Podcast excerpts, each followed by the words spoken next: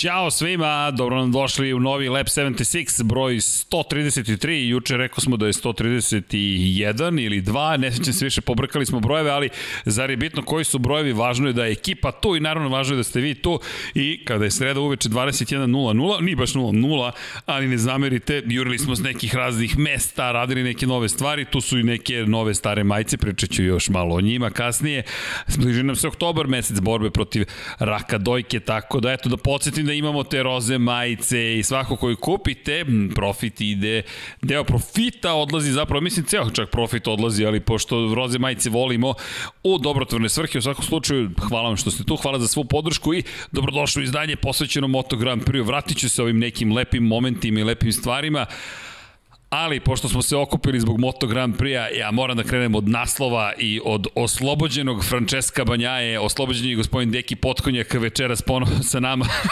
Hvala vam. Ćao, Juče nam nisi bio tu. Kako je bilo te godine da si bio? Ako smem da otkrivam, ne smem da otkrivam, ne znam da više. Da otkrivaš. Na Kosmaju, koliko da, sam shvatio, da. nešto se dešavalo. Bila, su, bila je ovaj, lokalna prezentacija jednog novog modela ovaj, automobila, pa smo eto malo ovaj, to organizovali, malo se družili. Je sa, bilo uspešno? Sa drugarima Ima novine, pa jeste, bilo je onako fino vreme nas je poslužilo, nadam se da su i drugari zadovoljni, vidjet ćemo ovaj, kakvi su im utisci kad to Ti mi deluješ, ti si nasmejan, čim si ti nasmejan, da. meni to već obećava, tako da nadam se da je sve bilo pa, kako dobro, treba. Da, generalno danas smo završili ovaj, Čekaj, danas ima aktivan dan, ne? Pa, Bio si oslobođen, kažem, putovo si po celoj Srbiji. samo, samo ovaj, jedan deo tog posla, tako da ima tu mnogo pripreme pre, onda posle, naravno. Nije, nije to sve u tom jednom danu i ti, u tih nekoliko sati. Tek, tek, ali su, tek smo tu okay, negde. Ali, ali, okay, okay. ali oslobođeni Francesco Banjaja protiv koga?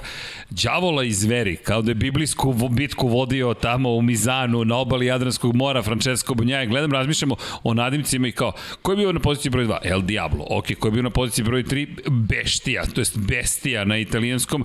Đavo i zver i onda tu dođe šta, anđelski Francesco Banjaja, naravno nisu niti Zver, bukvalno niti Đavo, Fabio Quartararo ili Nea Bastianini, ali bilo zanimljivo prosto i kako su vozili i koliko su bili dobri u celoj toj priči. Prelep jedan vikend iza nas, Moto Grand Prix, Francesco Banjaja, druga pobeda za redom na Ducatiju, drugi pobednik u istoriji na ovoj stazi za Ducati, prvi posle Casey-a Stonera još, posle Casey-a Stonera, koji je tamo negde 2007. godine kada Mizano ponovo ušao u kalendar, dobio priliku da pokaže šta može, pokazao što može i Ducatiju doneo prvu pobedu na italijanskom tlu. Nemojte zaboraviti, nisu to baš bile učestale pobede. Trajalo je dok nije došao do pobede. Valentino Rossi je vladao, harao Muđelom dok ga nije skinuo sa Muđela, to je sa trona u Muđelu upravo Casey Stoner na Ducatiju i bilo je tu još nekih pobjeda za Ducati, još u Muđelu nekako je to prolazilo. I Jorge Lorenzo, i Danilo Petrući, Andrea Dovizioso, ali Mizano, Andrea Dovizioso ga je pokorio i onda, ne zapravo treći put, zaboravio sam Dovija, Dovija sam zaboravio, treći put je uspio da pobedi,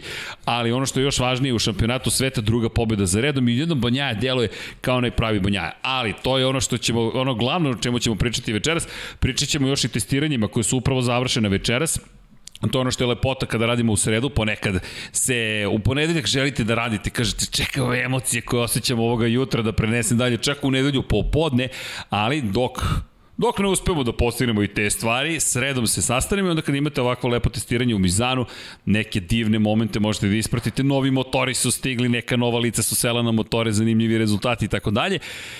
Ali, pre nego što krenemo, naravno, prvo, nadam se da ste dobro i naravno, mazite se i pazite se i vodite računa jedni u drugima, vozite računa svakako jedni u drugima i budite dobri. Kada je reč o Infinity Lighthouse-u, pa mi tako želimo da povedemo računa o nekim stvarima. Jeste da juče bio svetski dan borbe protiv Alzheimerove bolesti, ali zašto da ne, kada je Lab 76 posvećen Formula 1 o tome pričao, da pričamo i danas možete da se izborite, to jest možete sebi da pomognete, svako od nas kako idu godine počinje polako da zaboravlja možda neke stvari. To ne znači da imate problem neki ozbiljniji, ali proverite kod lekara kakva je situacija, raspitajte se u porodici kakvo je porodično nasleđe, da li neko ima Alzheimerovu bolest ili nije. Zatim, čitajte, igrajte kvizove, eto, večeras preporučujemo Moto Grand Prix kvizove da igrate, igrajte svakako fantasy, pozdrav za jednu damu koja je bila u Mizanu, a među top 10 je u našem fantaziju Infinity Lighthouse-a kada je reč o Moto Grand Prix-u i aerobne vežbe, dakle trčanje, vožnje bicikla, to su stvari koje bismo toplo preporučili plivanje, što kaže pa triatlon bi bio idealan u toj situaciji.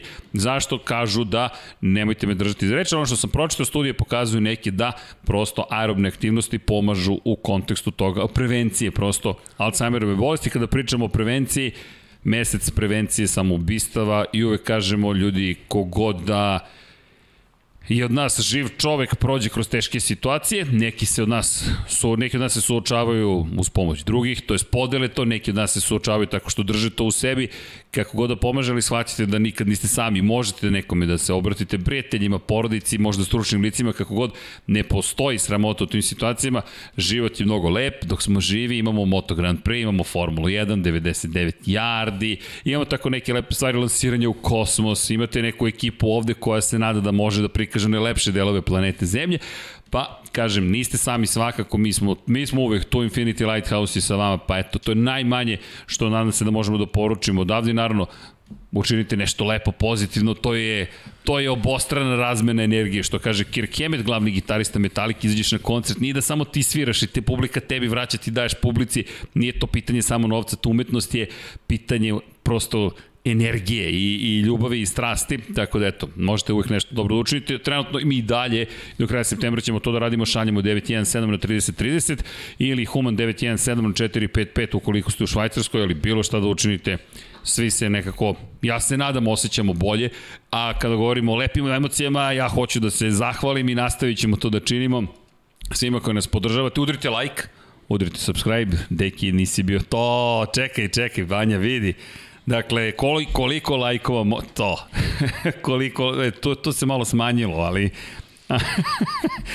ok, to je uh, dvostruka tačka strong, dvostruka tačka, to je dvotačka strong, dvotačka, ali tu malo ako popustila ekipa Infinity Lighthouse, to ćemo sebi, ej, ti bi mogao da učestvuješ na kombajnu sledeće godine. A? Čekaj, Ovo pratio je bio, sam vas, pratio Ovo je bio poziv za, za kombajn. Ko nije pratio 99 yardi, ekipa imala kombajn, čak i mi 40 plus smo bili pristojni. Koliko je bilo u Čučnju? U Čučnju... A niste Čučnje radili? Bench, koliko je bench? Bench 100 kila sam izvukao nekako. 40 yardi nije bilo loše.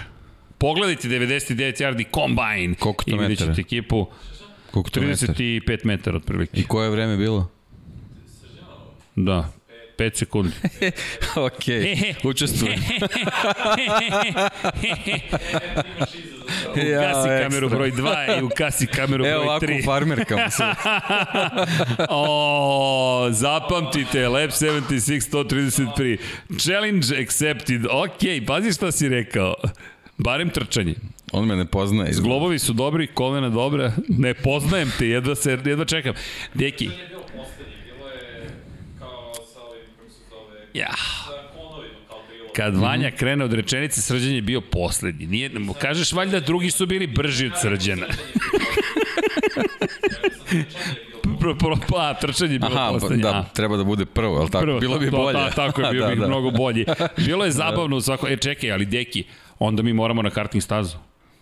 Pa nešto ćemo da vidimo. Onda mi Može. moramo na karting stazu. Pa moraju i Mixa i Jimmy. Moraju i Mixa i Jimmy Vanja. O, pa da, kontra, ako dolazi Deki na Combine, vi dolazite na stazu. Deki Ne, ja sam ga prijavio. On me prijavio. Vanja je prijavljen. Ja nisam Vanja ništa rekao. Vanja je upravo prijavljen za, za Vanja je upravo prijavljen za karting dogovoreno.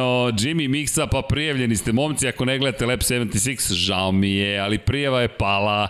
Tako da imaćete čemu da se radujete iz perspektive čisto krvne zabave. E, juče nisam bio loš u Sočiju kada sam vozio Formulu 1. Pazi, nisam bio...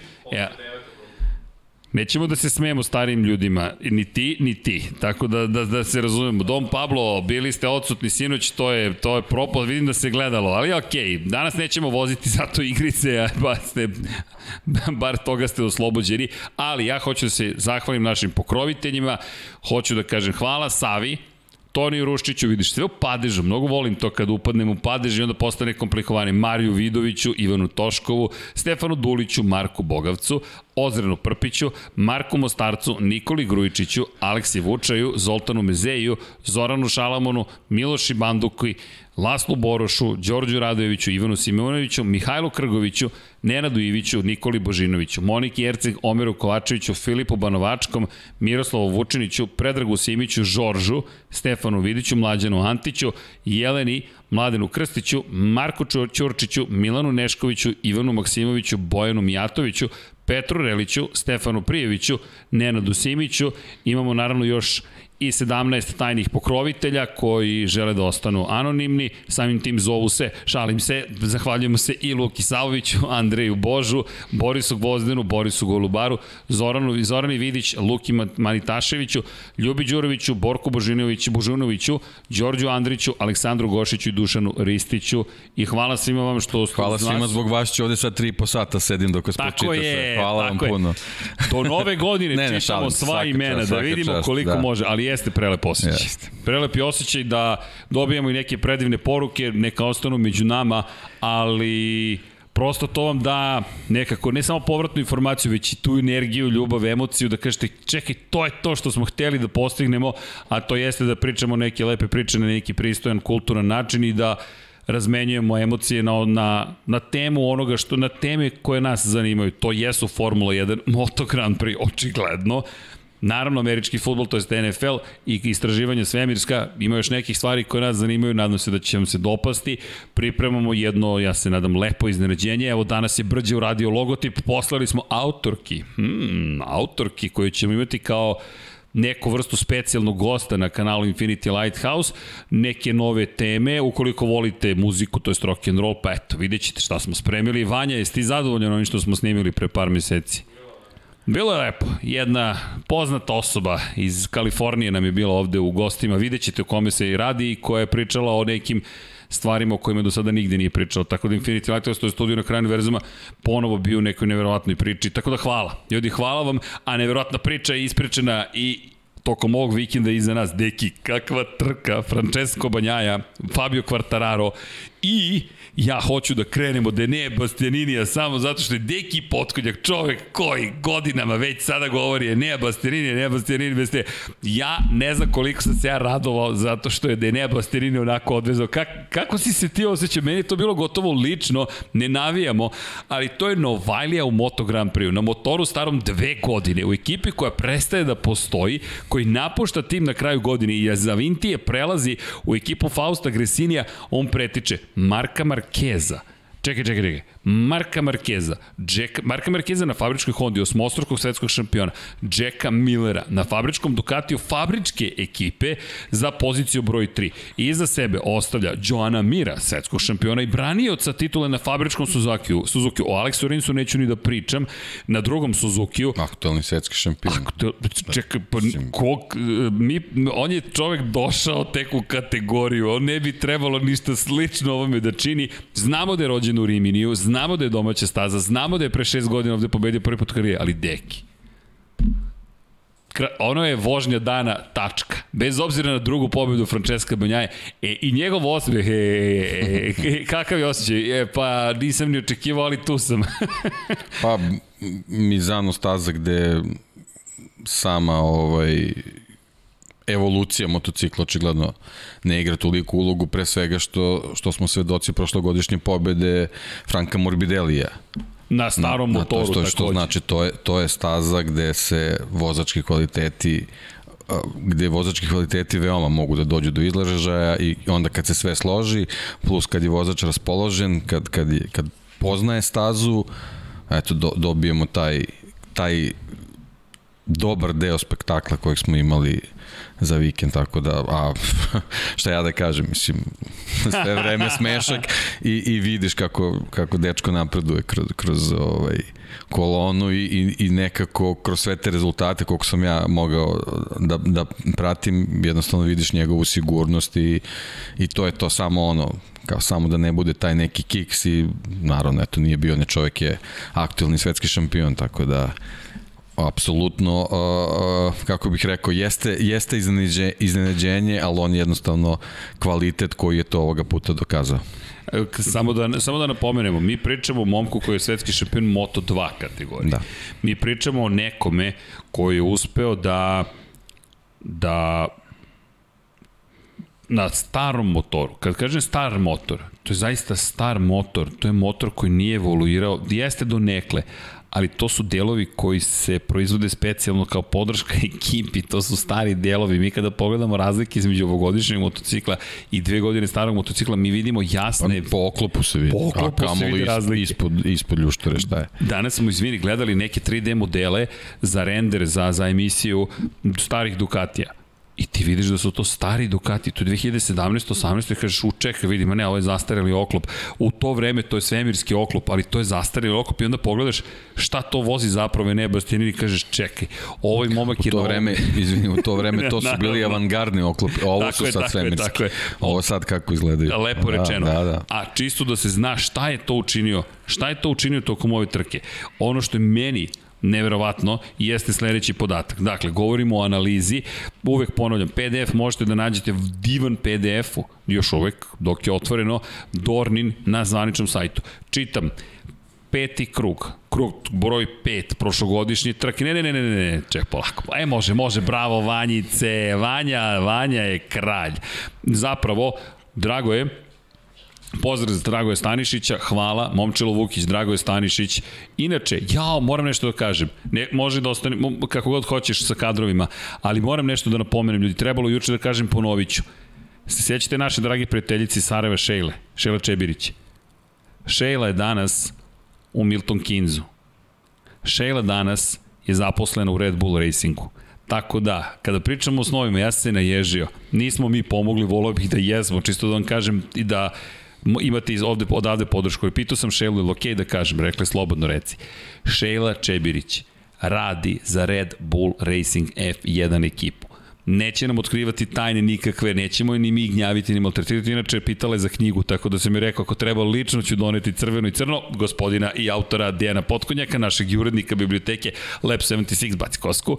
Inače, knjige bi trebalo da najzad stignu do nas, trebalo je da stignu do nas, stižu, završili smo svu papirologiju, naš, moja greška, nešto tu u dokumentaciji nisam uradio kako treba i nažalost potrošio sam nekoliko dana koje nisam smeo, ali nadam se da ćete imati razumevanje kako za mene, tako i za ostatak ekipe, pogotovo za gospodina Dnjena Potkonjak, to se sad vadim na tebe emotivno, ali kada reče Šejli Čebirić, devojka je trenutno u Red Bull Racingu, tako da, ko se bavi analizom podataka, ko sanja tako neke nevjerojatne snove, uključujući Dragoja, uključujući Momčela, uključujući Vanju, nekog drugog, mada ti ne ideš nigde, kakav Milton Keynes, ti si stacioniran ovde u studiju na kraju univerzuma, sanjite te snove i to jeste moguće. Tako da jedna dama koja je nama pružala podršku, sada pruža podršku Maxu Verstapperu i Sergiju Perezu. Pa mislim, to je taj nivo, ipak mi govorimo o ozbiljnim stvarima. I da se vratimo rezultatima, Peti krug prošle godine, Francesco Banjaja vozi 1.32, 3.19 kao najbrži krug svih vremena u trci Moto Grand Prix kategorije na stazi Mizano, Marko Simoncelli, da te, čit, da te citiram, Che spektakolo, kakav spektakl. Ovo su krugovi treće plasiranog Ene Bastianinija. 1.32.314, krug broj 16. To je 5000 tih dijelova sekunde brže nego prošle godine što vozio Francesco Banjaja na fabričkom Ducatiju u pramak ekipi. A njegov motocikl, ako se ne varam, je stariji, još stariji od toga. I od toga. Tako je, da, da. iz 2019. Ne GP20, GP19. Krug broj 17 ili ti sledeći krug 1.32.242 Ljudi, on je spustio rezultat ispod 1.32.3. Kažu što je to, ne može, ne može brže. Nema dalje, to je to. Ne može brže. Ne lezi vraže, da ne kažem, eh, ne lezi Fabio. 1.32. Ne lezi beštira. ne lezi zverko. 1.32, 2.1.5 u krugu broj 18. Veruj mi, uh, Aleksandru i meni, Džankiću, Džanki Baby i meni, oči su ispale, ovako izlazi zvanični rezultat i gledamo se kao... I poučenim iskustvom gledate da nije presekao negde stazu. da nije izveo martinizaciju staze, da nije martinirao Mizano. Ne, ti gledaš rezultat i kažeš, čekaj, ovaj momak je upravo odvezao 1.32, 2.4, 2.15. I kaže, ok, inače, kada pričaš o tome da si išao sa staze, taj rezultat mu nisu priznali kao zvanično najbrži u trci, zato što jeste zakačio zelenu površinu, ali dalje stoji kao rezultat u trci, dobio upozorenje u četvrtom sektoru napravio malo grešku, bez obzira na to. Što se nas tiče, 1.32.2.1.5, ali zvanično 1.32.2.4.2. Beštija, i mislim da je posle toga upozorenja malo usporio, šest desetinki izgubio u sledećem krugu i onda je rekao, ma vraća se ja starim dobrim navikama. Koliko je opasno kad usporiš? Koliko je opasno kada usporiš? Te, to, to je bio problem ako samo sad da ne bude neka dekoncentracija, ali dobro. Ma ne, da. ma ne, završen posao, treća pozicija, čekaj, iza njega, Ne, on je lepo rekao, e, najlepša stvar koja mi je bila što sam obišao Marka Markezi kaže he is the boss of MotoGP. I kaže, ja sam pobjeko kapa, il kapo je pao u Italiji, pobedio je velikog šefa MotoGP-a, Zamisli tu sreću, ti si tek stigao u kategoriju i pretečeš jednog Marka Markeza u direktnom duelu, u momentu kada se Markez i oporavlja nekako i vozi dobru trku, Ma ka, razmišljanja o ostalima, ma neću ni da spominjem ostatak ekipe, čovjek se trkao sam i ovako gledam, ali tačno sam znao za Jacka Millera. Tačno sam znao za Jacka Millera da, da je to to. Ne, nema tu dru, treće pozicije. Kakva druga pozicija? Ona greška. Tačno sam video da će to da se desi. Ali bukvalno u svakoj trci ima grešku. I, ali uvek ista priča. Uvek ista priča. I mi sada govorimo o tome da mi zapravo kada, kada je reč o Jacku Milleru, mislim da imamo kvalitetnog vozača broj 2 koji ne može da se bori za titulu šampiona sveta. Ja sam pred Aragon ovaj, njih isključio obojicu iz o, fabričkih vozača Ducatija iz o, prognoze za ovaj plasman na podijum upravo misleći da će obojica nastaviti da prave Te tu greške. jednu grešku. Miller je napravio Aragonu, Banjaja nije A, poučen tom trkom sam za ovu trku prognozirao Banjaja, Miller, Quartararo, pa sad kakav god ovaj poredak bio, međutim, eto Miller nastavlja. Banjaja je skinuo sve svoje kamenje, izgleda sav teret sa leđa i i to je sad neki drugi Banjaja, ali što se tiče Jacka ja zaista ne znam, nemam nemam ovaj neko ono obrazloženje s nekim razlogom da da mogu da pronađemo ovaj zašto se do, to desilo, ali posebno mi je ovaj primetio sam i zasmetalo mi je njegova reakcija kad je seo u garažu. Prvi put je očigledno izuzetno nezadovoljan bio sobom, ne, ne pričamo ništa drugo, tako da to je neki novi Jack i, i, i ne sviđa mi se ta njegova reakcija, samo se nadam eto da, da, da možda ovo može da bude neko otražnjenje za njega, da, da, da, da ga dobijemo u kvalitetu u kakvom jeste, jel, jel ovako poješće ga. Već Jednostavno, bojim to je, se to da je, je to ovaj, počelo. Neminovno. Već se bojim da je počelo i, i Jacka Millera se dotičemo baš iz tog razloga što Jack Miller nije smeo da izgubi bitku protiv Enea Bastianina. Mark Marquez se još uvek oporavlja. Taj čovjek još uvek bije bitku sa rođenim telom, kamoli sa motociklom koji to je treba drugi razvijeti. Tim, to je drugi motocikl. Tako je. Ovde Ovo, je... Ista porodica. Ista porodica. Uh, Isti menadžment. Uh, ista ekipa. Sve, sve. I ti odjednom imaš situaciju u kojoj se vidi vidi se da ti nećeš Ista strast, jer on, on da. je tu priči sa italijanima to je njegov hendikep koji mora da prevaziće. I to ozbiljan hendikep, da. jer naredne godine stiže Fabio Di Antonio, Italijan, u italijansku ekipu Gresinija 7 na Ducati zajedno sa Eneom Bastianinijem. Ver 46. ekipi je sve italijanski tim, Valentino Rossi ga vodi, Luka Marini i njegov polubrat će biti vozač broj 1, Marko Beceki će biti vozač broj 2, to su četiri Italijana na četiri Ducatija, od osam Ducatija, ostaje nam Francesco Banjaja kao On u Italiji neće imati Italijan. mesta na novinskom stupcu ako nastavi ovako. A to već te izvodi to, to, iz da, Ducatija. Da, to nije... Jorge Ducatiju je to bitno. Jorge Šta će da Martin. da pišu na Novom Zelandu, njih apsolutno ne zanima u, ne znam... Okeanija generalno. Pa, mislim, eto, Novi Zeland, nisam, pa, nisam hteo, da, ne, nisam što hteo da kažem, šta pišu, u šta pišu u, Malezi, u Evo, Čileu, Čileu šta, to njih ne zanima. Njih zanima kad otvori italijanske medije, posebno ne Roza, Reci, gazeta. to je bitno. A ako tu nema u, u, u prvim redovima Jacka Millera, neće nije, ga nije dobar put. u garaži nije ekipe. dobar put, da. U svakom slučaju, Jack Miller izgubio jednu bitku koju nije smeo da izgubi, ali Francesco Banjaje, da se nadoveže na tvoju priču, je pokazao to sazrevanje koje smo i očekivali da se desilo u Aragonu. Bukvalno smo prisustvovali prosto, hajde da bude malo poetičan, kako neko postaje leptir, kako neko počinje da leti. Gusenice koja se ba trga, ba trga, izašao jedno krilo, drugo krilo, treće krilo i dalje nekako vezana, on je poleteo čovjek. I bukvalno je leteo i ono što je meni fenomenalno, i tu sam se dvomio da vam predložim da nam naslov bude Mudri Banjaja protiv e, vatrenog kvartarara, ali bez Bastianinija, ne bi to bilo, to bilo mnogo reči. Zašto? Francesco Banjaja je pobedu odneo u petak i subotu pripremivši gume za trku koja je bila pred nama. Meke i srednje tvrde zadnje gume, mek pred njim se neće baviti, svi su imali tvrde gume, ali ne samo to, i da su imali različite, zadnja guma je ovde bila kritična. Zašto? Takav je tip staze prosto u pitanju. Kada pogledate, imamo 16 krivina, imamo 10 krivina u desno, 6 krivina u levo, zadnje, leva strana zadnjih pneumatika je mekša, prosto da bi zadržalo temperaturu od pre svega krivine broj 8, gde skrenete u levo i onda 9, 10, pravac, kurvone, 12, 13, 14 i onda izlazak pa 15, 16, dve, dva skretanja u levo. Te krivine u desno troše toliko pneumatik, pogotovo zadnji. I tu zanimljiv je bio komentar Fabio Kvartarara po završetku trke da ko ovlada gumama ima šansu, velik, mnogo veću šansu da pobedi. Međutim, različite strategije.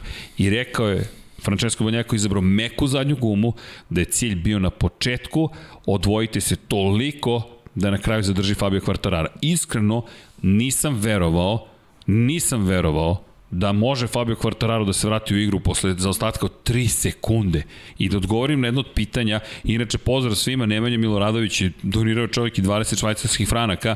Pozdrav iz Švice, pozdrav za Švicu uz najbolji Lab 76, hvala vam, hvala vama, a pitanje je šta mislite da je trka trajala još 2-3 kruga duže, da li bi Fabio stigao peka, hvala puno. I tu dolazimo do magije Moto Grand Prix taman koliko je bilo potrebno da se spasi je imao Peko Banja. I zašto kažem da je u petak i subotu dobio trku? Fa, stalno slušamo, oprostite, ne Fabija, već Peka Banjaju, kako priča da ekipa radi sjajno. I stalno imaju podatke, ali mu je nedostajalo Aragon. I ta pobjeda sada, mislim da daje celoj priči krug jedan zatvoreni, pa, da je ekipa spremna. Dodao bih samo, sad je zatvoren krug. Sad. Jer poč, počeo je prošle godine, nevezano za ekipu, vezano za njega. Prošle godine počeo ovaj, i to je bio trenutak gde je on morao da se izbori da ne nestane. Nego da ono što mu se desilo prošle godine da se obriše, da očisti sve i kaže idem ponovo dok ne dođemo ovde na ovo mesto. Tako da mislim da je sad u stvari zatvorio Lepo rečeno. Ovaj, i, I sve ukazuje da, da je to taj trenutak, ta prekretnica da će krenuti u, da će krenuti uzlaznom putanju. Ovo je sada već drugi Francesco Banjaja. Različite pobede, na kraju nije bilo direktnog duela, najpre pobedio Marka Marquez. A, različite duelu. pobede, ovo je, mislim, rekao sam na, na početku, ovo je veoma, veoma zahtevna staza. Jeste. Ovo je fizički i psihički mnogo zahtevnija staza od Aragona. Na, u Aragonu imaš priliku da odmaraš. To smo pričali i, i u najavi trke i videli smo kasnije i po vožnji Marka Markeza da je to upravo tako, da njemu takva staza u ovom trenutku mnogo više odgovara i dobili smo tog nekog a, najboljeg Markeza od trenutka ovaj, kad je počeo poravak od, od povrede. E, što se tiče Mizana, ovde ih jednostavno uh, krug je kratak i, i, i bukvalno ne, ne postoji segment staze gde, gde možeš da se odmoriš pod navodnicima, što fizički, što psihički. Tako da ovaj, ova je pobeda zbog toga veoma važna i značajna, a kao što sam rekao, nadovezuje se na, na, na kiks od prošle godine, duplo je bilo značajnije i važnije upravo zbog toga. Tako da, o, o, kao što si rekao, o, Banjaja je sve pripremio u petak yes. i subotu, ali su o, ključne krivine prve tri ili četiri bile u nedelju na samom startu trke. On je morao da zadrži prvo mesto da bi mogao da nastavi sa svojim a, tempom koji je strateški verovatno pripremljen pre, pre trku i zbog toga su te gume uspele da izdrže toliko koliko su izdržale. Da je morao slučajno da da vraća svoju poziciju, posebno u nekom dužem periodu, nisam siguran da, da bi uspeo ovo da uradi i možda bi se sve završilo kao što se završilo i Millerov nastup. Samo bih dodao da podlučio, da, rekao bih nekoliko krivina, 1, 2, 3, 4 na početku u, prvoj, u prvom krugu i krivina broj 12 u poslednje tri kruga. Fabio Quartararo je rekao da ne razume kako je Francesco Banjaje mogao da vozi krivinu broj 12 pod uglom kojim je vozio. To je krivina koja dolazi protiv, posle brzo, brze krivine kurvone, niko od nas ne zna, samo Francesco Banja je to znao, zato i pobedio. I da odgovorimo konkretno na pitanje da, su, da smo imali još dva, tri kruga, da li bi Quartararo pobedio, Ja sam prilično siguran da bi, da. ne znam šta ti misliš. Pa ja isto mislim, mislim da, da je u pripremi trke a, a, bilo ključno da Banjaja zadrži prvu poziciju zato što su te gume mogle da izdrže toliko. upravo toliko. Toliko. I to je to kažem da slučajno nije nije uspeo u nameri da da sačuva prvu poziciju mislim da da ništa od toga ne bi bilo. Francesco Banjaja u svakom slučaju i to je u stvari to je to je to kad kad imaš trke koje se voze na limitu Moto Grand Prix mora da mora da bude takmičenje na limitu i, i to je to i između oslog to je taj limit da iskoristiš potencijal pneumatika do maksimuma. A evo njegovi krugovi kad kada pogledaš i kad uporediš sa Millerovim krugovima Banjaja ljudi iako deluje kao da je to bilo uspono padova to su to su minimalne razlike za jednu Moto Grand Prix trku 32.7 32-4, 32-8, 32-4, 5, 5, 4, 5, pazi tih 5 krugova u 5, 6, 5, 6, 7, 8, 9, minimalne razlike, zatim 32, 8. Pa, jako važan deo trke, Jest. generalno. I onda počinje čuvanje guma. 32, 8, 9, 7, 8, 33, 0, 32, 6, 8, 7, 6, 8, 6, 6, tu sada već Kvartararo se javlja, pa onda hladiš gume, čuvaš ih 8, 33, 0, 32, 7, 7, 7 i za kraj 32, 5. To je na nivou gotovo njegovog najbržeg kruga. Ono što, ako ili imamo Jacka Millera možda, nemam, Jack Miller, pročitat ću vam, Jack Miller, gde je problem sa Jackom Millerom? Jack Miller je vozio na početku relativno brzo, ali počinje vrlo... Ali se zaglavio. I, I ne samo to. Krugovi odjednom počinju da nestaju i pravi onu veliku grešku. Pravi onu veliku grešku i kod njega nema tog čuvanja za kraj. Njegov poslednji krug nije najbrži lični, nego je najsporiji lični. E to je ono što je problem za Jacka Millera. Ne možeš da budeš najsporiji na kraju. Tvoj klubski kolega je sačuvao gume, on od 18. kruga, ne, od 17. nijednom nije spustio vreme ispod 1.33. Nije ni prišao granici od 1.33. To je 10 krugova to je više od trećine trke, ti si u problemu već i više od trećine trke, tako da Jack Miller tu mislim da mora mnogo toga da promeni, a kada je reč o Banjaj, skidam kapu, zaista neverovatno i ono što je fascinantno jeste kada poredimo krugove Fabio Quartarara i vidimo koje vremena postigao Francuz, Francuz je drugačiju trku odvezao na početku 32-8, 33-0, pa 32-6, 4, 6, 4, pa taj krug 33-3, to su te bitke. Kada ti uđeš u bitke, izgubit ćeš šta, pola sekunde, šest desetinki do kraja pa, trke. Samo pogleda, eto da taj osmi krug, krug tu razliku i razliku na kraju. Tako je. To je to. Pa ne, ako pogledamo ko osmi krug Francesca Banjaje, dakle 1.33, 3.2.1 je vozio Fabio Quartararo, a 1.32, 4.85 je vozio Francesco Banjaje. To je ta sekunda. Sekunda. Kraj. Koliko je bila razlika na kraju? Taman koliko je trebalo, da, da, da, taman, koli, taman toliko. I onda kada pogledamo nastavak trke, sve je ispod 1.33. Fabio Quartararo posle toga nije odvezao ni jedan krug spored 1.33. U 26 krugova koje merimo, ne posmatramo prvi krug. Fabio Quartararo je samo dva puta bio sporiji od 1.33. To je bio treći krug i to je bio osmi krug. Opet, kvalifikacije, pozicija, ali pogledajte koje su to minimalne razlike. Mene fascinira šta mi moramo da analiziramo da bismo mogli da razumemo kakva se trka desila tokom prethodnog vikenda, a mi govorimo o drugoplasiranom. Inače, pet pojena na dokladi u borbi za titulu šampiona sveta, ne umanjujemo vrednost toga, ali prvo se divimo u pojedinačnom dostignuću, pa potom gledamo taj skok, to je sve skok, ta smanjenje razlike sa 53 pojena na 48 pojena. Nije mala stvar, ima još da se vozi malo, ali pogledaj kako je crvena linija odjednom počela da skakuće u poslednje vreme u Aragonu i Mizanu, razlike u bici za titulu između Kvartarara, Joana Mira branioca titula i Banjaje.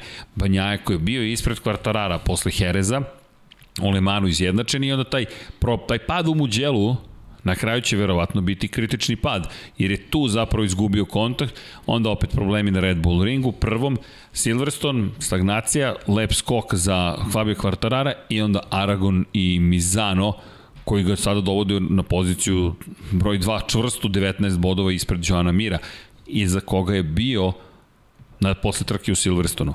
Tako da Francesco Banjaja teško da može do titule, ali ni nemoguće. Fabio Quartararo svakako nema prava na grešku, ali Andrea Doviciozo vratio se na stazu, čekaj koliko lepih priča, Andrea Doviciozo se vratio na stazu kao klubski kolega Valentina Rosija u Petronas Yamahi satelitskoj ekipi Yamahi. Briljantno, samo po sebi briljantno. Franco Morbidelli je najzad ceo na fabričkoj, motor fabričke ekipe, kome je toliko značilo što je na fabričkom motociklu da je imao specijalnu kacigu u Yamahinim bojama i rekao ponosan što je deo plave ekipe.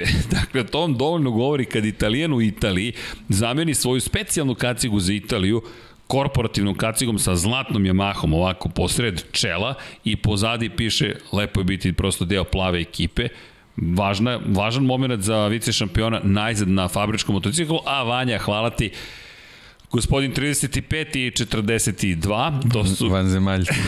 Bukvalno su vanzem, vanzemljaci i dva su narodnika zajedno u ovim bojama, pre čemu Rossi prezentovao i svoju specijalnu kacigu sa roze mašnicom u prosto iz ljubavi prema devojčici koja stiže u porodicu Valentina Rosija, njegova lepša polovina, druga polovina je trudna, tako da čekaju prinovu. E, evo iz prve ruke razlika između dve evolucije, kako se evo. jednostavno vidi. Pogledajte samo Airbox popularni, to jest da kažemo otvor za vazduh. I ispod VTU na broju 04 iz 2019, iz 2021. VTU ispod broja 46 VTU reklame verzija za 2021. Eto, to vam je ovako, na keca, prva, prva razlika koju možete da uočite. Nije jedina, inače. Da, neke razlike su manje mnogo, motor je dosta međutim drugačiji i generalno kada pogledate, pogotovo zadnji kraj kasnije kada se uđe u analizu, ima tu dosta razlika. Inače, Andrea Doviciozo, ne samo što se vratio, već je Andrea Doviciozo za Fabio Quartarara rekao Fabio radi nešto neverovatno. I to je činjenica. Ako uzmemo rezultate Yamahinih vozača, ok, Valentino Rossi izuzetak, čovjek je u godinama nekim, ide u penziju, sve je to ok.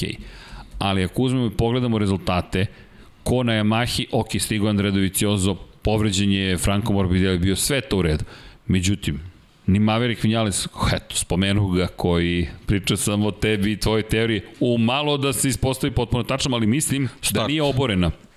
Tako je. Samo start. Mislim da ti teorija nije oborena, već da smo videli isti problem za Mavericka Vinalesa, za onih koji ne znaju druga njegova trka u fabričkoj aprili. Dekijeva teorija glasi, kada imate ravnu pistu, Maverick Vinales biće brzo. Ovo je ravna pista. Zahtevna je tehnički vrlo, prošle godine pobedio ovde na Yamahi posle pada Francesca Banjaje na Ducatiju pramak ekipe, međutim to ne manjuje njegov triumf. Me ove godine krenuo loše na početku i to je bio kraj. E, to meni govori o dve stvari. Prvo, način na kojem pristupa trkama u tim situacijama i drugo da još uvijek tu ima posla puno kada je reč I treća stvar, priroda motocikla. Upravo Tako to. Je. To je to. to, da. to je to. Tako je taj motor i same kategorije. To kada padnete tamo na 15. 17. poziciju, u te, težak, teška situacija, a kod Vinjalice se to još više izražava. Međutim, vratio bih se na Dovicioza koji je rekao Quartararo je nevjerovatan to što on radi na Yamahi dan danas ne bi trebalo da se radi i to ono što je veličina šampiona i zašto ovo deluje kao njegova šampionska sezona. Pohvale Fabio Quartararo, fantastično je odvezao i rekao je prvi put u svojoj karijeri sam protiv Ducatija. I bukvalno je ljudi, to se videlo kao kad uđete u školsko dvorište i imate ekipu, i vi ste sami i ekipa je došla. E, ekipa je stvarno došla, Jack Miller je rekao da će pomoći koliko može Francesco Banjaji da osvoji titulu šampiona sveta i to i pokuša da učini. Usporavo Ali je dobro, da, mi smo i prošle godine videli da Yamaha ima to nešto tu vezano za, za izdanje Maverika Vinjalesa, izdanja uh, Franka Morbidelija, tako da verujem da, da je ekipa imala dosta toga da, da ovaj, prouči i analizira vezano za prošlogodišnji nastup, posebno zato što i prošle godine smo imali testiranja tamo i sve tako da mnogo je podataka ovaj, bilo što se tiče Yamahe vezane za Mizano, a Fabio je očigledno taj koji ume da, da izvuče to nešto iz tog motocikla i, i, i ono, eto, još, još jedna trka sa, sa dobrim rezultatom, nastavlja se Naragon i jednostavno njemu je ono, recept za, za, za uspeh je mora da završava trke na podijumima i to je to. Dosta je jednostavno. I to je to. Je, da, što se njega tiče jednostavne situacije, mislim da, da može da bude malo relaksiraniji, ali ključno je da, da, da se trke završavaju u vrhu. A naravno, ako se boriš za titulu na ovaj način, to mora tako i da bude. I kao da je bilo pomalo, ne, neću baš reći do Serdare, ali je Quartararo takođe istakao važnost dolaska Andreja Dovicioza koji toliko iskustva s Ducatijem ima, donekli sa Aprilem i rekao, nadam se da će pretvoriti od naše Yamahe Ducati, ali s našom šasijom. I inače, kada je testirao sada motocikla za 2022. to ono što je veličina testova koji su obavljeni danas i juče, utorak i sredu, Rekao je, probao sam novi motocikl, deluje bolje. Niko nije imao neke spektakularno pohvalne reči, ajmo korak po korak i rekao je, mnogo poštujem Andreja Dovicioza i na profesionalnom i na ličnom nivou, tako da od Dovija čini se da svi imaju velika očekivanja da pomogne Yamahi tamo gde je pomoć potrebna. Daleko toga da je loš motocikl, ali mi sada govorimo o nijansama. U tim nijansama Dovi bi mogao da im da to pa, što traže. Ako pričamo o toj nekoj relaciji sa Ducatijem, oni imaju Kala Kraštlo koji se u, u principu dobro snašao na Ducati u trenutku kad je već odlazio iz Ducatija.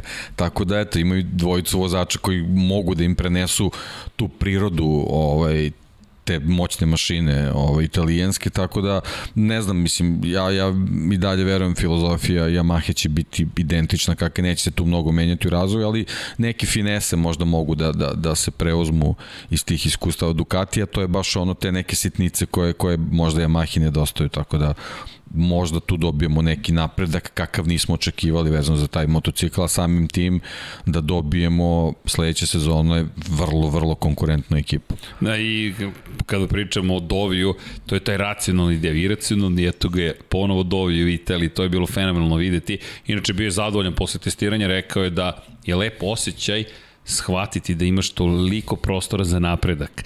To i mislim da mu mnogo znači što je sad učestalo na motociklu.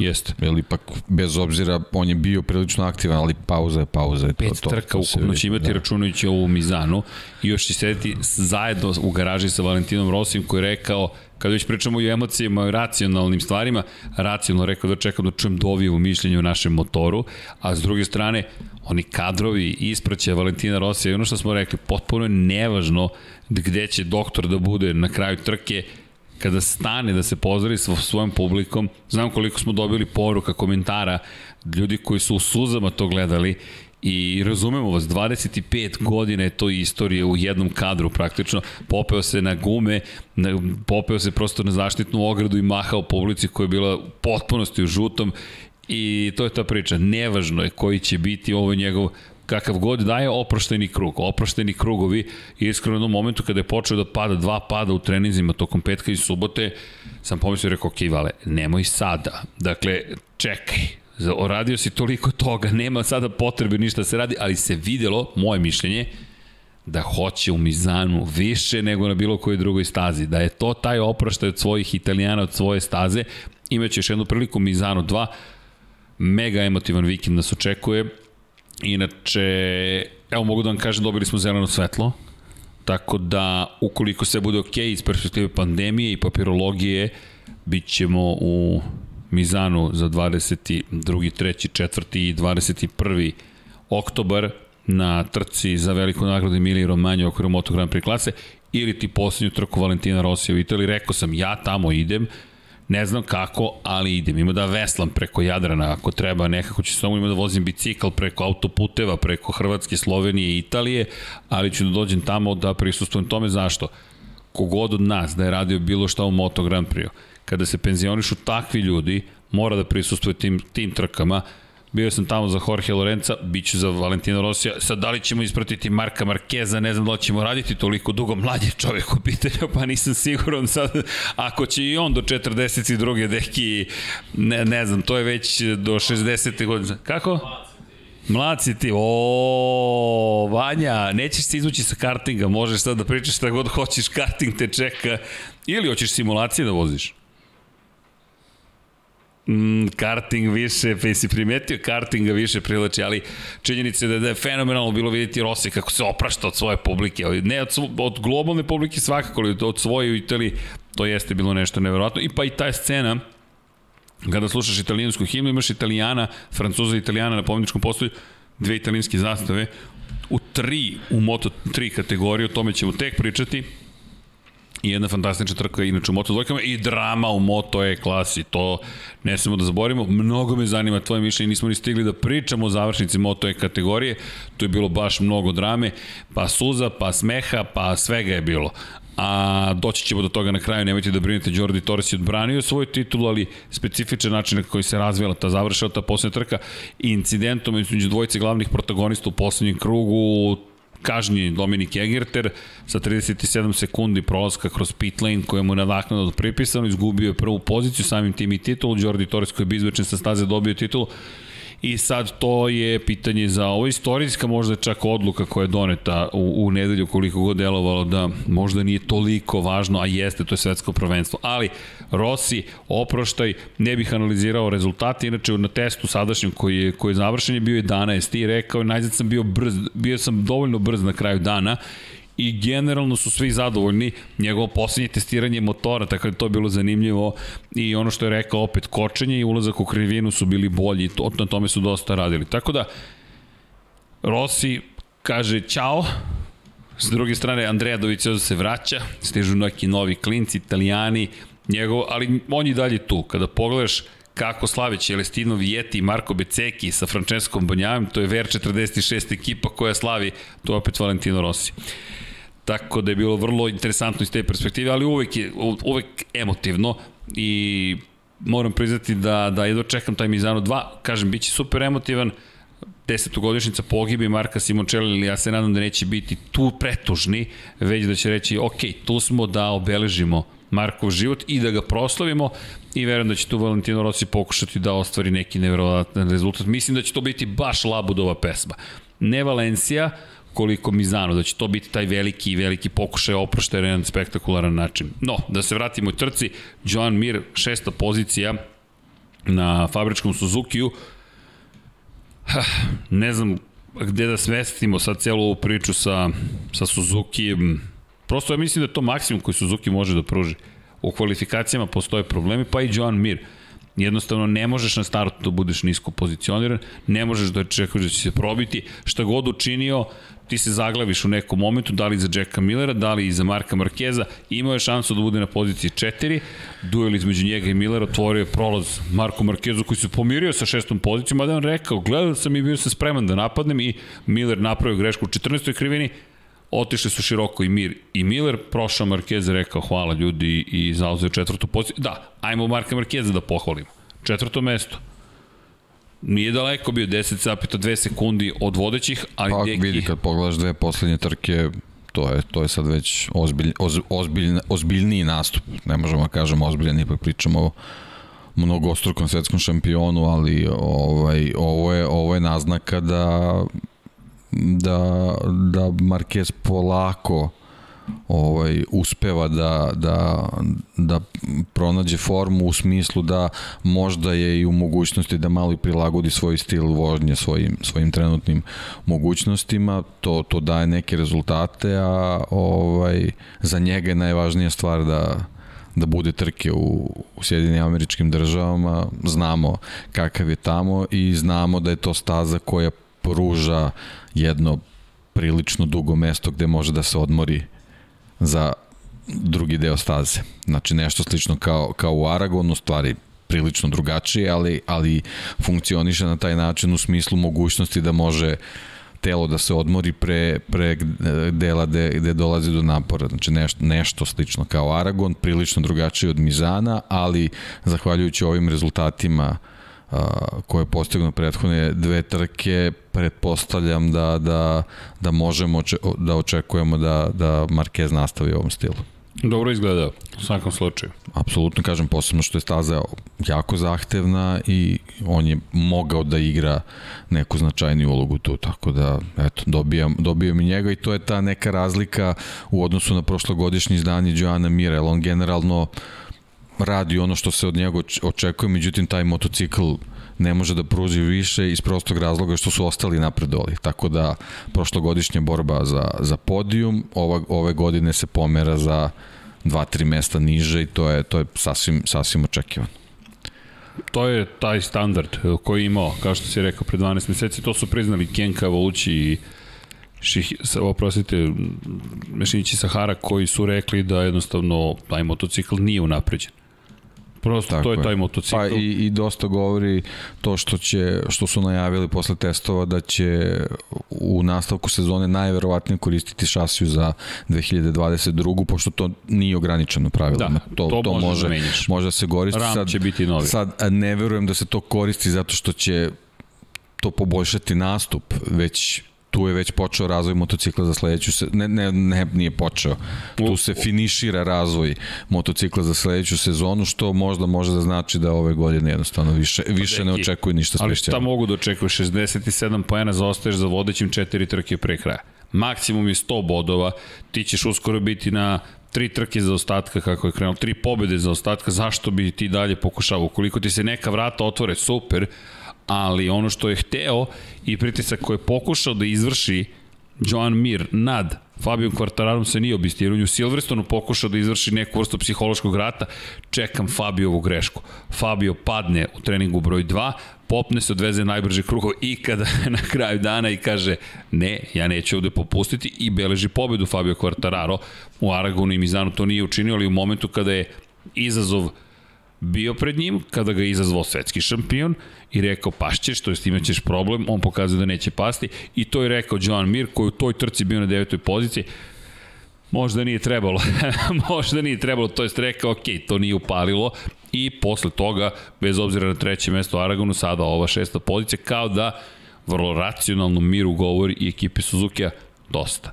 Bilo je dosta. Alex Rins ništa ne može da pruži, još jedan pad, i Deki i ti ja odmahujemo glavom. Ne znam da li sam tužniji ili ljući na Aleksa Rinsa, meni je žao što se ovo dešava, jer zaista mislim da prisustujemo kraju jedne karijere suštinski. 13. pozicija, držim palče da može da se oporavi, ali jedno drugo mesto tokom cele sezone i ovoliko padova i grešaka nije nešto što, pogotovo ne u savremenom Moto Grand Prix, može čovek da dopusti sebi čak se zvao i Alex Rins. Alex Rins nikada nije bio prvak sveta.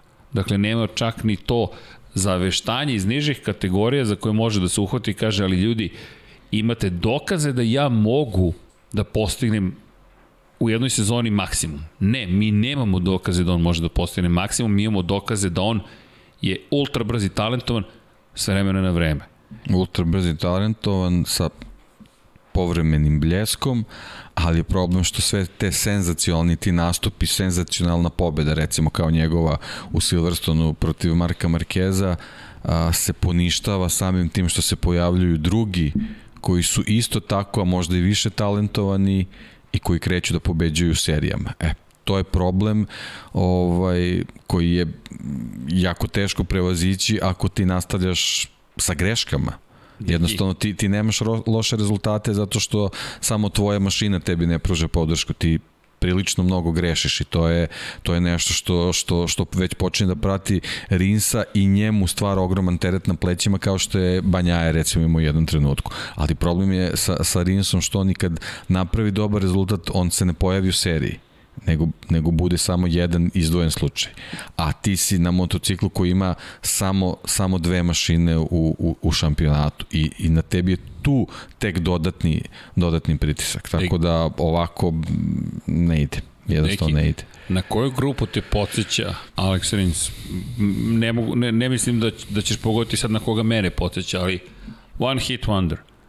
Ako mi svedemo njegovu karijeru Moto Grand Prix vozača na to da će se on oduševljavati uh, najboljim kadrovima trke koja se desila pre dve godine, koliko god bila spektakularna, Pa da, ali ona je, ona je uh, obrisana spektakularnim završnicama nekih drugih momaka u prošloj godini. U prošloj trci smo imali spektakularniju završnicu nego što je bila njegova. Ali da ti kažem, I to je... to je to, jednostavno ti, ti, ti više čak ne ostaješ ni u tim primerima. Kad se neko seća nekog spektakla, tvoj udeo u tome je sve manji i to je problem. Ti, ti nama čak i, i, i ako, ako su tvoji uh, pozitivni bljeskovi redki, on nama oduzima čak i to. Tako je. On nama jednostavno, čak i to, a sport nam takođe oduzima to jer mi zapravo U procentima si sve, sve manje zastupljen. U situaciju da to postaje... Ti si samo jedan od, od, od te grupe, od 22-23 vozača, to je to, to a, neko ko imao takvu ambiciju pre sezonu dve, jednostavno ne, ne može da priušti posebno, to si ti u, i u prenosu govori u talasi novih vozača dolaze. Ti više nisi čak ni, ni, ni, ni mlad Čekaj, vozač kime. Kime smo mi otvorili podcast? Ne pobednikom, nego klincem koji je tre, na trećoj poziciji. I zasluženo. Enea Bastianini to zaslužio. Alex Rins, s druge strane, znaš kada osjećaš emociju, kad je opipljiva emocija, nije više neopipljiva, ti sad možeš da osetiš prosto razor... ne, ne čak ni razočaranje. Neku vrstu tuge u Suzuki-u što Alex Rins ne može da postigne više. To je moj osjećaj, da jednostavno su ljudi tužni i mi manje više nismo rezignirani više, nismo ni ljuti, ni to ni frustracija ti negde gledaš Aleksa Rinsa i kažeš možda je to taj dan, ali šta to znači? Godine čine svoje. Vidi se, vidi se da je brzina tu, ali jednostavno to, to samo onako kao mehur od sapunice pukne bukvalno na svakoj trci. Pa, znaš kada smo čuli, Džanki i ja, zvuk. Čuješ zvuk, i već ti u glavi e, praviš listu ko bi mogao listu, da bude da. i i pojavi se ako je on tu ne. da. ne I, I to je samo tužno sada već. Čak i on se pognute glave vratio u garažu Suzuki. Nema više ni bese da. kao, ok, sledeća trka je moja. To je problem i problem je reakcija Millera. Ono što sam ti rekao, da, da, to je, to je ta slična reakcija.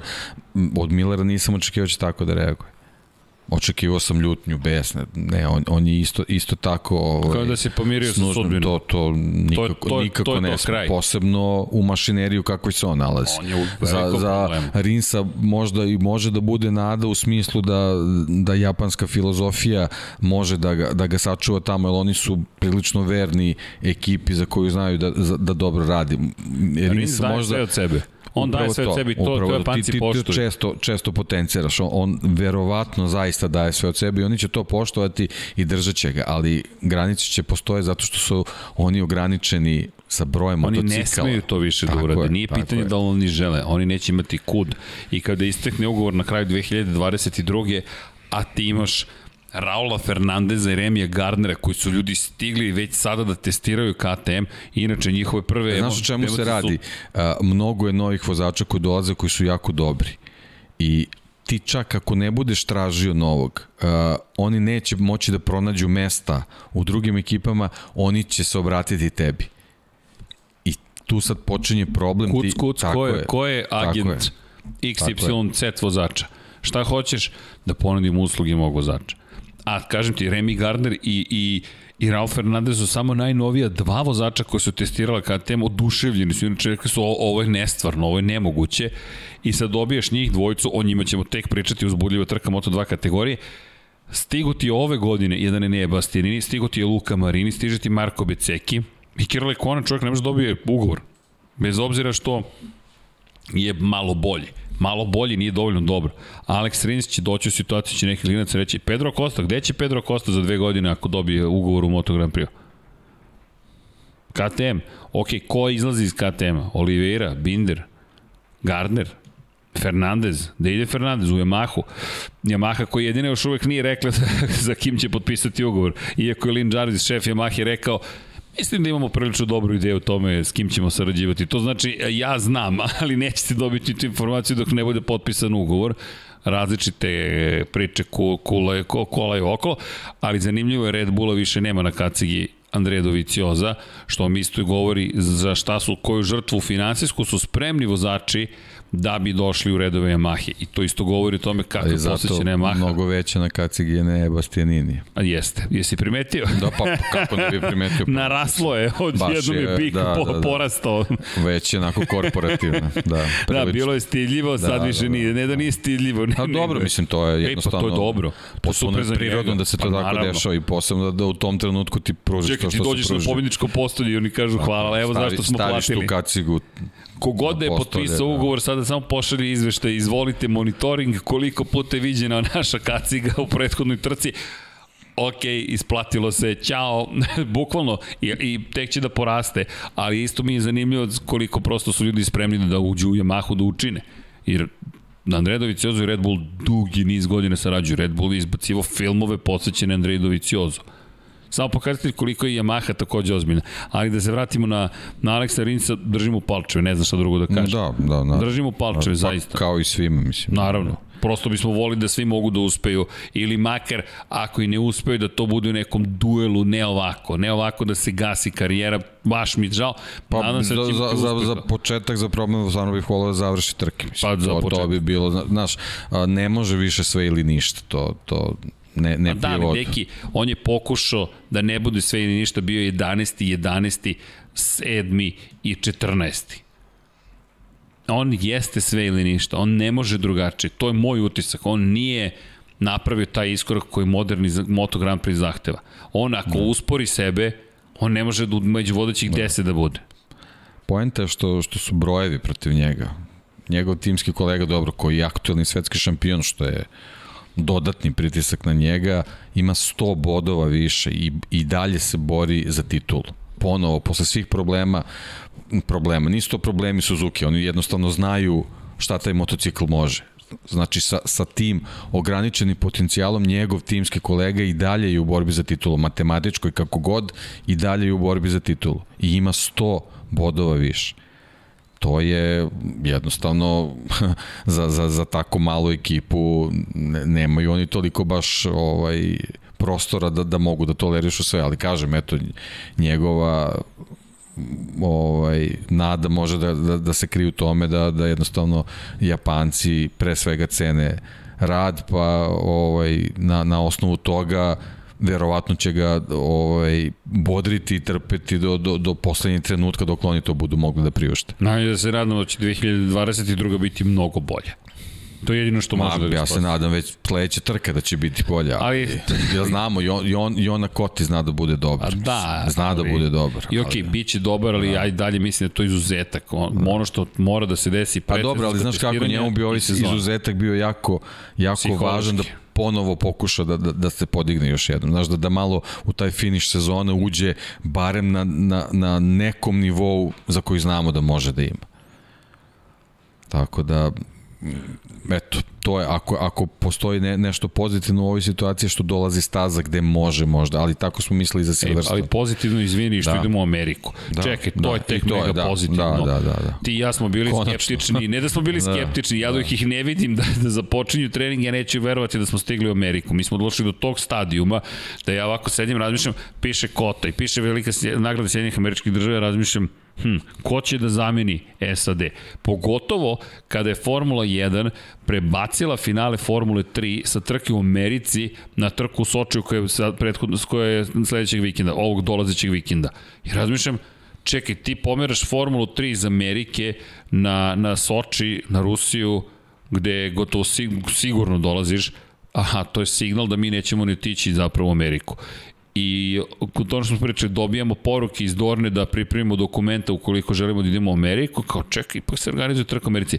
Sada već mislim da smo u situaciji da ako nije već otkazano, ako nije odloženo da je to to, naravno ima još 10 dana, ko zna šta može desiti, ali oni moraju da budu u Americi u ponedeljak najkasnije. Oni moraju da budu tamo, timovi do srede moraju sve da raspakuju, u četvrtak kamioni moraju da budu složeni i mi krećemo. Kreće cirkus, kreće medijsko ludilo, kreću konferencije za medije, u petak kreću treninzi, kvalifikacije u subotu, trke u nedelju.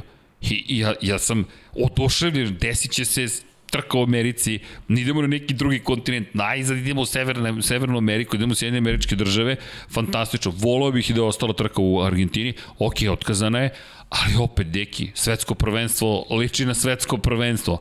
Azija, Bliski istok, Evropa, Amerika. Tri kontinenta smo pokrili, to jest nadam se da ćemo pokriti fenomenalno, ne samo za Rinsa i za Markeza radost, očigledna radost za Marka Markeza koji samo jednom izgubio trku tamo i to kada je pao sa vodeće pozicije i Rins, eto, tako da to radost, čekaj, to je velika radost, to sam, to sam za, na trenutak zaboravio kolika je radost, a možda je zapravo još uvijek skepticizam prisutan čak i, i danas, 9, 9 dana pre prvih treninga, pre prvih treninga. Međutim, stvari izgledaju dosta redovne. Evo, testiranje i treniranje u Mizanu, ide Amerika, pa potvrđeno naravno se vraćamo u Mizanu, pa imamo Portugaliju, imamo Valenciju. Ja se zaista nadam, eto da, ne samo iz Rinsa, već za sve nas, da će to biti jedan zabavan moment. Elem, da nastavimo dalje, kada govorimo o, o onome što smo videli u ovoj trci, nekako ajde, držimo se do nekle rezultata, držimo se nekih priča, Pole Spargaro i Aleše Spargaro. Nije loše, Sedma, osma pozicija za Repsol Hondinog vozača, Pola, mlađeg brata, za Aleša, ok, može bolje od osmog mesta, ali opet nije loše izgledala Aprilija. Aprilija deluje kao da, da napreduje zaista. Mnogo se radi, fascinantno mi, to smo sad videli na testiranjima.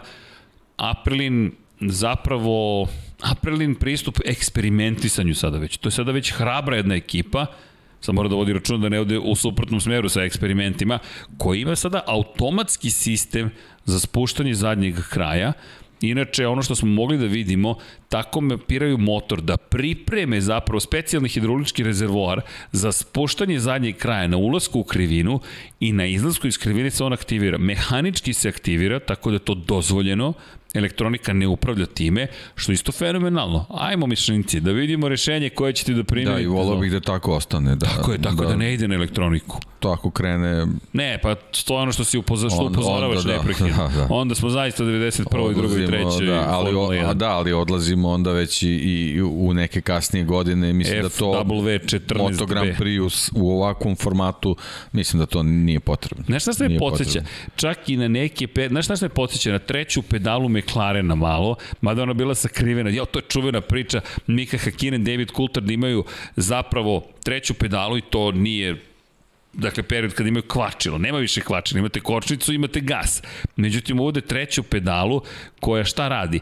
Ona je dodatna kočnica samo zadnjeg, pazite, to iz motociklizma suštinski preneto, zadnjih točkova, ali ne oba točka, već u zavisnosti od toga kako pred ulazak u krivinu podese kočnicu, ukoliko skreću u krivinu desno, zapravo oni kontrolišu kočenje unutrašnjih točka i imaju veću kontrolu nad bolidom. I Mika Hakina i David Coulter koji se sa time poigravaju zapravo s dodatnom kočnicom. Kako je sve palo u vodu i kako je sve raskrinkano i došlo do toga da bude ukinuto, tako što je jedan od naših kolega fotoreporter, kada, se, kada incident imao Mika Hakinen, ugurao lepo ruku u kabinu i fotografisao i sad odjednom imaš bolid modern moderni savremene Formule 1 1997 koja ima tri pedale čekaj, kvačilo vratili niste i sad na motoru je to teže sakriti i onda kad fotografišete vidite kako upravljaju leva, levi palac, da leva ruka, gde god, šta god da stignu, samo da ne ode još korak dalje, što ti kažeš da sve bude automatizovano, da bude, ajmo, na podešavanje G6, vrati samo strat to, na nula. više brzo kreću sa, sa promocijama i inovacijama. Ajte malo da zaživi ovo što imate, usavršite to, pa onda krenite dalje. Tako, da- agresivno je, agresivno. Ali dobro, ja verujem da, da je to, to je potreba sa tih ne možemo da kažemo manjih ekipa. Apel je daleko od toga da, da, da je manja nema. ekipa, ali jednostavno oni moraju da se, da se u tom segmentu pojave kao neko ko je doneo nešto novo i, i to je super, mislim, jer to su stvari koje iziskuju mnogo sredstava i mnogo vremena da bi se razvili, tako da ovaj, lepo je što razmišljaju u tom smeru, a posebno ako naprave nešto što će i ostali da, da usvoje. Tako, ja, vidi, to o tome se priča. Super, da. Ej, vidi, ali to i marketinški. Od tebe sad fotografiš. Između ostalog, Aleš je bio najbrži na drugog dana testiranjima. Da, da, da, da, tako da, napomenemo. Da, da. da, da, da, to da I to mi je super, videli smo na, na, na testiranjima, uveliko yes. se testiraju prototipovi za sledeću sezonu, neko komplet, neko podeli po vozačima šasije, motore i to je baš onako vidi se da se radi punom parom, tako da ovaj, to, to me baš raduje, jer posebno što, eto, ako malo držim palčavi, nadamo se da ćemo konačno sledeće sezone imati uh, uh, normalan kalendar predsezonski, da ćemo imati i sezonu onako kako, kako bismo trebali da imamo.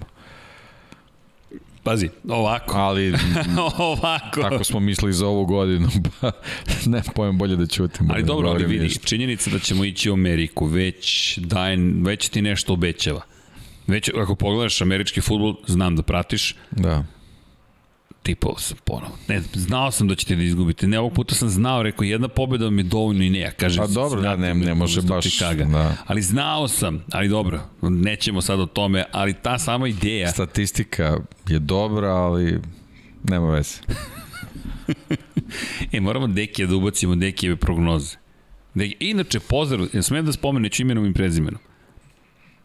14, 16 pogođenih utakmica. Pa možeš me, slobodno, slobodno. Čovjek nas sluša upravo Dekiv, sad. Dekiv drugar. Upravo sad pozdrav. sluša, da. Ljudi, ovo nije ribarska priča, ovo nije oko je bilo ovoliko i slične priče. Čovjek je pogodio na tiketu, koliko 100 dinara, svih 16 utakmica NFL lige Naš drugar Gavrilo Bakić, slobodno smemo da kažemo. Ako smemo da kažemo, pa, pozdrav da za Gavrila. Da, ne. Gavrilo, koja kvota bilo? 800 i nešto. Nema I pojem. Gavrilo je dobitak bio 100 i nešto hiljada dinara. Gavrilo uživa u svom dobitku svaka čast. 16 utakmica pogodio. Malo indisponirana ekipa 99 yardi. Mi smo rekli, a mi nešto kao pogađamo, mi prognoziramo ko će šta. Gavrilo, javi nam se sledeći put, molim te, javi se meni, meni. Poslaću ti ja telefon preko Dekija da ja to malo poboljšam tamo situaciju. Ja tempiram formu. Deki, pa, pa, pogledaj tabelu, Vanja. Pogledaj tako, tamo tako tabelu. čuva bustove i u fa fantaziju, ali katastrofa. Čekaj, čekaj, šta ste ono rekli za Kansas City? A, a mi, vi tempirate formu. Ne, ne, naravno da je lično, pa čovječe, ovo je takmičenje, sve lično. A inače, zašto se takmičimo? Gleda me Dom Pablo, dobro šalim se Dom Pablo, pa naravno da nije bitno, to je samo šala u okviru studija, ali ja ću pobediti. U svakom slučaju, činjenica je da, da, da, da je bilo zabavno tamo na tabeli. Ali dobro, pričat ćemo to u petak uveče. 21.0. Sad se mi podsjetio da pogledam fantasy samo ja, Vanja, imam rešenje za našu muku. Jesi shvatio? Ne, pogledaj komentar u Slacku za 99 yardi. Šta si rekao da moramo da radimo? Ali psst, ta, jesi skontao? Vidi ga. A? A, on je ispratio komunikaciju tako da zna o čemu govorim. Nemam pojma što. Aha, važi, važi. e, pratite Infinity Lighthouse. E da, kad smo već tu, udrite like, udrite subscribe, udrite udrite infinitylighthouse.com kroz shop i kupite crveno i crno knjigu našeg dragog prijatelja i kolege Dejana Potkonjaka. Izdali smo knjigu, to je tako lepo osjećaj da je potpuno neverovatno ponekad, ali fenomenalno i dalje stvari se dešavaju. Deki, još jednom hvala. Zaista hvala predivno. Jesi vidio bookmarkire? I bookmarkeri stižu sa knjigom, tako da ljudi imate sve kulturno ubacite, kažete ok, tu sam stao, mada ko uopšte može da stane sa čitanjem knjige? Znaš, to se čita u dahu. Jedno lagano što. Svi smo se učutali. Nego, nego, da ne pobegnemo predaleko. Da, Amerika, nadamo se da će biti sledeće godine pogotovo sve nekako normalizovano. Što se tiče Aprilije, pratimo dalje razvoj, ali April je na pravom putu i bez obzira što Vinjales nije, što Vinjales će uvijek imati očigledno iste probleme, ukoliko na startu bude drame, padne nisko, vratit će se pred kraj trke i tako dalje, to je već poznat scenarij, mislim da donosi mnogo ekipi Aprili, to je ipak svetski šampion nekadašnji i da zajedno s njime mogu da se pomere na sledeću stepenicu. Sad, koja je to stepenica? Ja se nadam da će to biti češća pobednička postolja i da ćemo najzad vidjeti sledeće godine ove očigledno da sam preterao pobedu i da ćemo moći da pričamo o Aprili kao eto još jednoj ekipi koja, koja može da se bori za, za, za triumf u određenim okolnostima kao KTM, što me dovodi do KTM-a. Samo ću kratko Polo Espargaru. Njegov komentar za motocikl za sledeću godinu bolji je i to je to.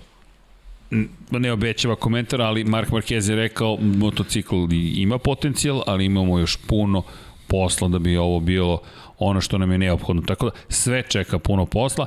Što se tiče Pola Espargara, još jedna cela godina u Repsol Hondi, pa koraci su malo sporiji nego što smo možda želeli, očekivali, bit će tu i kada je reč o o KTM-u, moram u KTM-u, Uh, ozbiljni problemi za KTM. KTM sada već možemo da pričamo je u krizi, jer ovo je, pomislili smo da je nađeno rešenje, ovo je još jedna trka u kojoj četiri vozača praktično nisu postojala. Suštinski mi se, mi se vraćamo na Breda Bindera neprekidno i kada pričamo o KTM-u, gotovo da na silu moramo da pričamo o KTM-u, gotovo da na silu moramo da nađemo nekoga iz KTM-a koji je nešto učinio.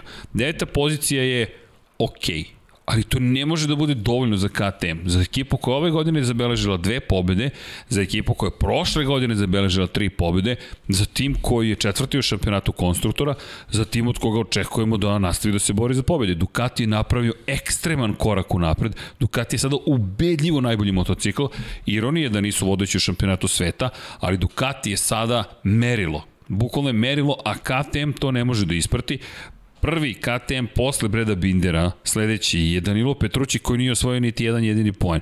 Miguel Olvira je bio 20. To je u stvari najveći problem. 20. Deki 37 sekundi iza pobednika. Mi pričamo, ne, to nije ni večnost više, mi, mi ne znam ni o čemu pričamo. To, to je besmisleno. Pa ne, iza njega bio samo Dovi na M starom motociklu, M čovjek koji tek, tek se vraća u šampiona, tako da... Pa neprihvatljivo. Da je baš onako ne, ne znam, mislim, ja sam stvarno od, od Olivire mnogo više očekivao ove sezone, ovaj, ok, to nekako počelo, ali u jednom trenutku ne, ne mogu sad da, da, da, da verujem da, da povreda koja, mislim, teško je reći, lakša, mislim, svaka povreda može, može da donese velike promene, ali prosto mi je neverovatno da, da, da se toliko drastično promeni nečiji nastup, tako da iz toga mogu samo da, da izvedem zaključak da nije samo do vozača, očigledno da da se neki, neki problem pojavio sa KTM-om, mislim oni su čitavu sezonu krenuli loše, pa, se, pa su se tu desile te neke promene, pre svega vezano za šasu i tako dalje. Delovalo je da su pronašli rešenje i onda se, bukvalno su se vratili na početak sezone. Bukvalno se vratili od nas. Da, krug je kompletan, čak se i vratio da. na stari ram, se vratio pred To, to, to, tako da, da Koji? očigledno je da tu je neko lutanje vezano za taj razvoj. E sad vidim ovaj, vezano za, za test u Mizanu, mnogo nekih novih aerodinamičkih uh, delova su, su probali i veliki deo testova su posvetili tome, tako da moguće da, ovaj, da tu sad traže neke, neke dodatne desetinke koje su izgubili očigledno u nekom razvoju koji možda krenuo neki pogrešan put iz nekog razloga. Tako da ovaj pa, baš je baš je onako iznenađujuće da da su se pojavile trke gde apsolutno ne mogu da učestvuju u, enigmatično. U da, baš je baš enigmatično, prava reč to. I i sad to, sedimo to. i gledamo šta ćemo sad sa KTM-om. Stižu pritom Ralf Fernandez i Remy Gardner, radujem se zbog njih, istovremeno se malo pribojavam. Gde leži problem? Mislim da se dotakao toga kod Aprilije KTM sada izbacuje toliku količinu novih stvari da ti gubiš koncept testiranja. Tako to je, se ne radi to je testiranje. ono što se desilo prošle godine sa Yamahom, ako se sećaš. Da. Tri komponente koje se na različitim uh, uh, delovima motocikla pojavljuju bez nekog posebnog sistema uh, gde, gde u principu može da se nasluti da u stvari znaju šta u nekom trenutku može da bude razlog za neku negativnost. I onda upadneš u taj neki tornado tih zamena delova i jednostavno sam se izgubiš ne znajući šta u stvari trebaš da pratiš. Čekaj, I, i, I upravo mi to deluje ova, ovo, ovo njihovo vraćanje na šasiju za koju su na početku tvrdili da je apsolutno promašaj ti se sad vratiš na to i motocikl sa tom šasijom ti bude najbolje plasiran od svih. Pazi, to je baš veliki problem. Ti sad imaš tri čak šasije, imaš tu prvu, pa drugu, pa treću. Pa se sad vraćamo na drugu, pa testiramo prvu, pa testiramo drugu, pa testiramo treću i sad uvodiš nove aerodinamičke elemente gde je kraj testiranjima, to jest u kom momentu ti kažeš mi moramo da postavimo neku osnovu za dalji rad, jer ti nemaš osnovu i dalje. I ono što je problem, to je to ono čuveno, optimizacija po tri parametra. To je nemoguće, ti ne možeš da optimizuješ po više od jednog parametru kako to funkcioniše, ti se baviš jednim parametrom i kada dođeš do maksimuma po tom parametru kažeš ok, šta je sledeće što menjamo.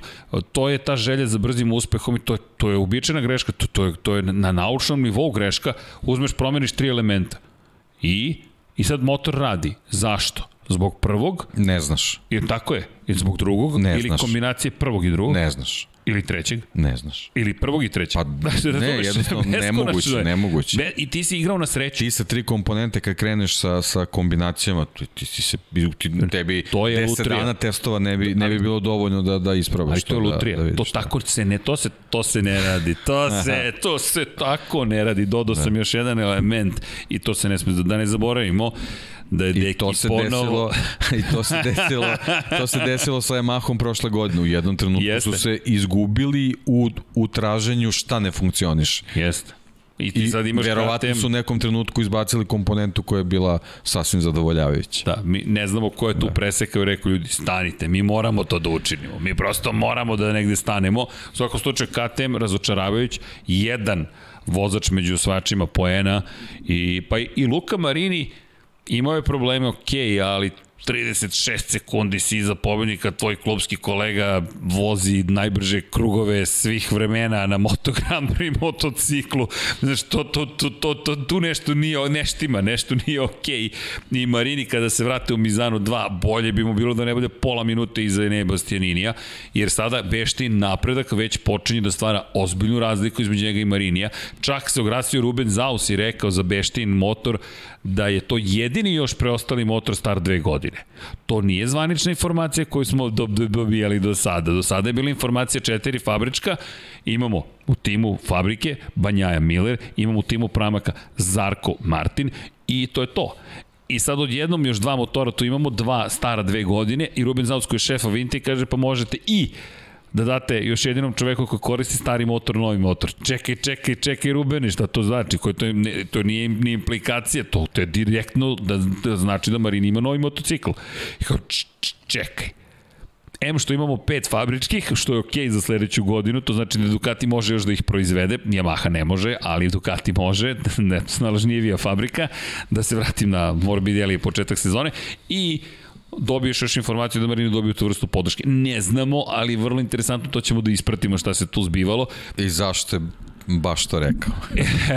A Ruben Šta Zaus. mu je zasmetao, da, da. Baš je poznat po političkoj korektnosti jedan od uh, jedan od, pa i, kao vozač, možemo reći, ozbiljnijih takmičara. Čuvena tr, tr, trostruka jedinica, 111, Ruben Zaus ili Ruben Chaus, zavisi koga pitate, ali dobro, pitaćemo ga kada ga sretnemo, ok, daj odgovor, molim te na pitanje kako se čita i obično, pošto su katalonci, to onda nije čak ni što je katalonski izgovor, nego što je možda neki deo Katalonije gde se to drugačije izgovori i tako dalje. Pitaćemo, nadamo se, nadamo se u Mizanu, nadamo se u Valenciji ali dobro radimo na ra različitim stvarima i u to će tek biti zanimljivo kada odemo tamo kako će Lab 76 da izgleda. Vidjet ćemo. Vidjet ćemo. U svakom slučaju, idemo dalje. Kada je reč o Moto Grand Prix, ima tu još par zanimljivih tema. Joan Zarko, malo pre smo ga spomenuli, operisan je uspešno, što je super, želimo mu brzo poravak. Bitno je za Joana Zarka da bude operisan. Propustio je testiranja.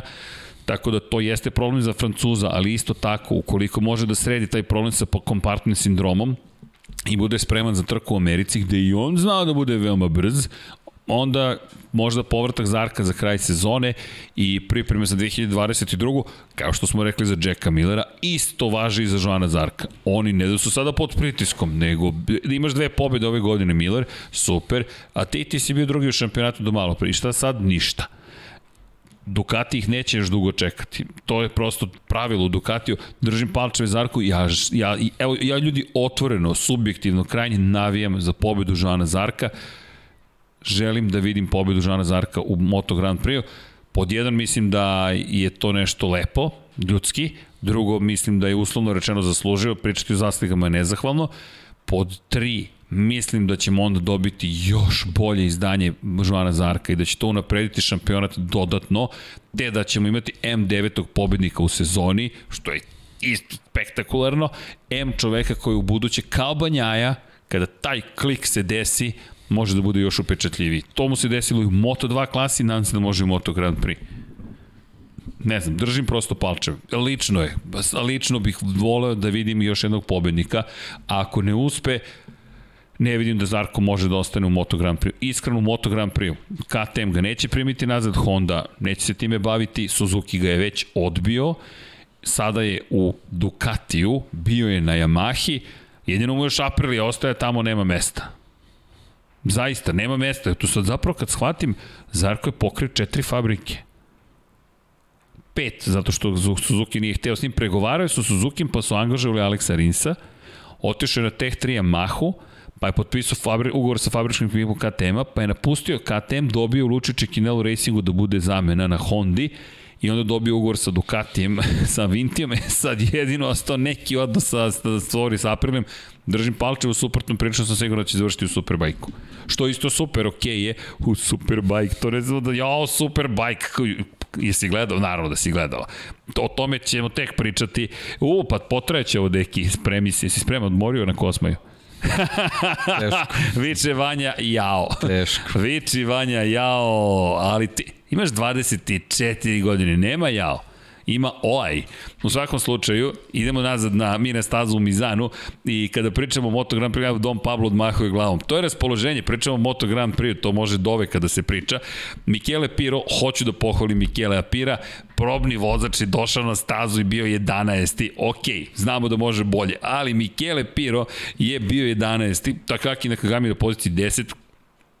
Opet, korektno, ajde da tako kažemo, ali realno racionalizujem, to je pokušam da izbjegnem neku zbiljniju kritiku. Mislim da su ovo ozbiljni problemi za Hondu i da se svodi priča ponovo samo na Marka Markeza, mada kažem, Pole Spargaro dobar je bio, samo 3 sekunde iza Marka Markeza, to je već uspeh sam po sebi, Michele Piro, meni fenomenalna 11. pozicija, Joan Zarko inače bio zvanično 12. na kraju, Maverick Vinales nisam se snašao na startu 13. i Štefan Bradl ispred Aleksa Markeza na 14. poziciji. Aplauz za Mikele Apira i za Štefana Bradla. E, ovo je sada ogroman problem za Aleksa Markeza. Alex Marquez ima titulu u Moto2 klasi, ima u Moto3 klasi. Ima fabrički motocikl što nikada nije dobio Štefan Bradl u svojoj karijeri puno krvnog vozača. Dok je vozio za Lučiće Kinelo Racing, to su bile stare Honde. Sada, na fabričkom motociklu, kao probni vozač u bojama HRC-a, on je ispred dvostrukog svetskog šampiona. To je nedopustivo za Aleksa Markeza. Nedopustivo. Jedan poen ne može da bude utešna nagrada. Nikako. Pa, generalno, sumarum njegove Moto Grand Prix karijere da je ostao negde u nekom zapečku. Uz bljesak u ovaj, Le Manu, uz bljesak u Aragonu prošle godine i to je to jednostavno ovaj, sve ono šta se desilo kasnije nije ni blizu neke inercije koji su ti rezultati trebali da donesu i praktično se vratio na neki onaj svoj nezapažen nastup na, na početku te Moto Grand Prix karijere i to opet vodi nekoj sličnoj priči. Jednostavno uh, uh, ovakav Moto Grand Prix kakav je melje vozača koji nisu u stanju da pruže neke, melje, neke deki. konstantne ovaj, Baš je surov konstantne postao. rezultate. Da, Čak da. i surov, mi ne govorimo o sporom vozaču, mi ne govorimo o o nekome ko ne može da, ko ne zna da vozi motocikl, dvostruki svetski šampion, on je jedan od redkih koji bi mogao da objedini titulu sve tri kategorije. On izgleda kao da bukvalno nema šta da traži u ovoj kategoriji. Trenutno to tako izgleda, to je tužno izgovoriti. Meni je žao da to izgovorim, ali Što po njegovom potencijalu ne bi trebalo da bude tako. Ne bi smelo nikako. Nikako. Ni pošto. Tako da nadam se da će nešto da se desi tu pozitivno, ali biti peta Honda od pet Hondi... Naš rezultati sa testiranja koji nisu relevantni. On je opet poslednji. Da, on je na, na začelju. Opet je najlošiji od Hondi.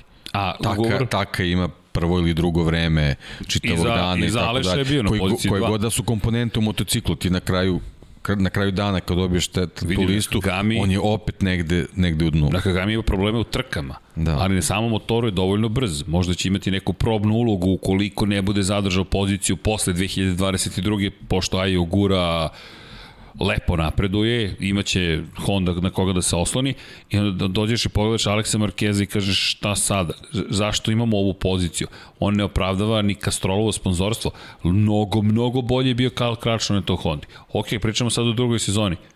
Cool, Šta ćemo u trećoj sezoni? Već to je mnogo više nego što su mnogi dobili. Šta je brat uradio u trećoj sezoni? Pa, odosvajao, pa tad je branio dve osvojene uzastopne titule te treće sezone nije odbranio. Ja, on ima i taj problem, to poređenje. Neminovno. Evo, mi nismo uvek prisutno. krenuli od toga. Pa nismo, da ne, da, nije, nije bitno, ali, ali to poređenje se nameće. Pa ne može da se ne nameće. Jer kad ulaziš u treću sezonu, ti si ohoho već tu. I Mark mu je pomagao. Stalno je pratio Marka u treninzima. Stalno je pratio Marka. I ništa mu nije pomoglo. Prosto ne može da se snađe na ovom motociklu. Možda neki drugi motocikl, ali da se vratimo na malo pređešnu priču. Koji motocikl? Ko će da ti otvori vrata kad dolazi neka nova generacija ekstremno brzih? O čemu pričamo? Bastianini je bio treći u debitanskoj sezoni na starom motoru. Jorge Martin, da, napravio grešku u 14. i krivili reka, bio sam preambiciozan, ali Martin je delovao ne kao neko ko je pogrešio, nego kao neko ko je preterao i ko je bio spreman da se ponovo bori za pobedu.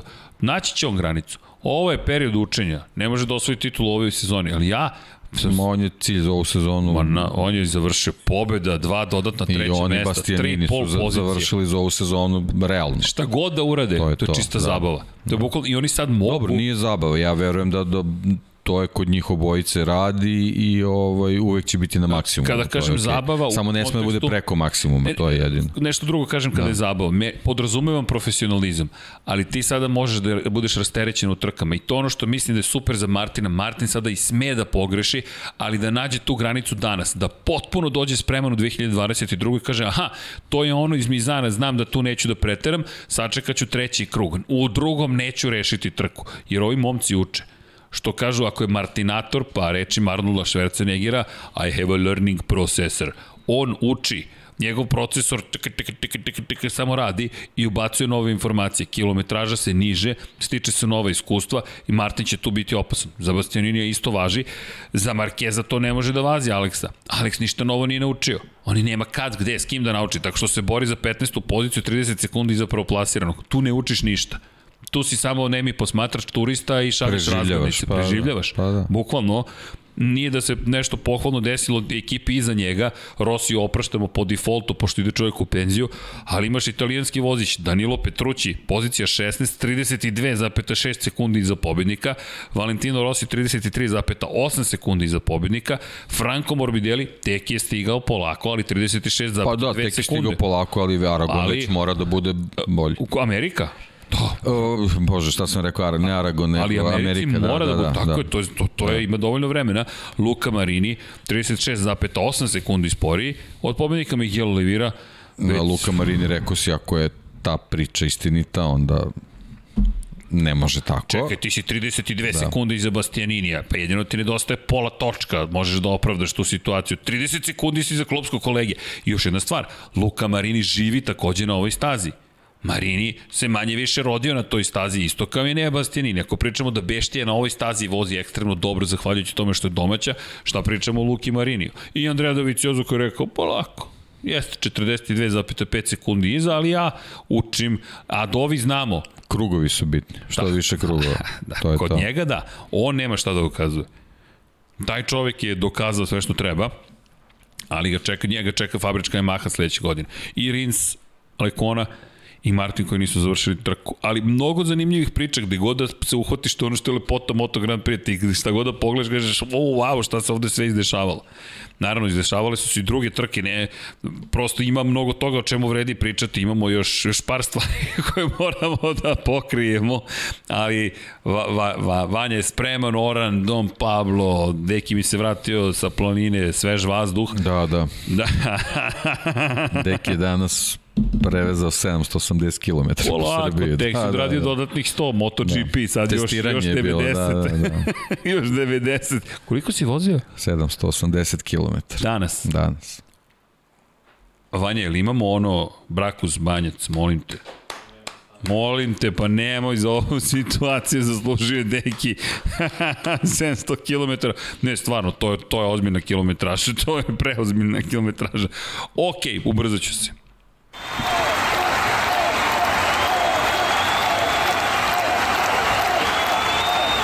Vanja nam je, Vanjo, inače, dobro, če, Vanja, pogluvit ćemo ti, moraš da sad, pogluvit ćemo ti, bukvalno. Ma ne čuje baba Simović. ne čuje, da, skinu je slušalice i nama, oho, pustio. Ali inače, Vanju možete da čujete na kanalima obneob.rs, internet radio naših kolega Banjci Brakusa. Vanja tako gostuje kao, šta si ti, misterizni gost?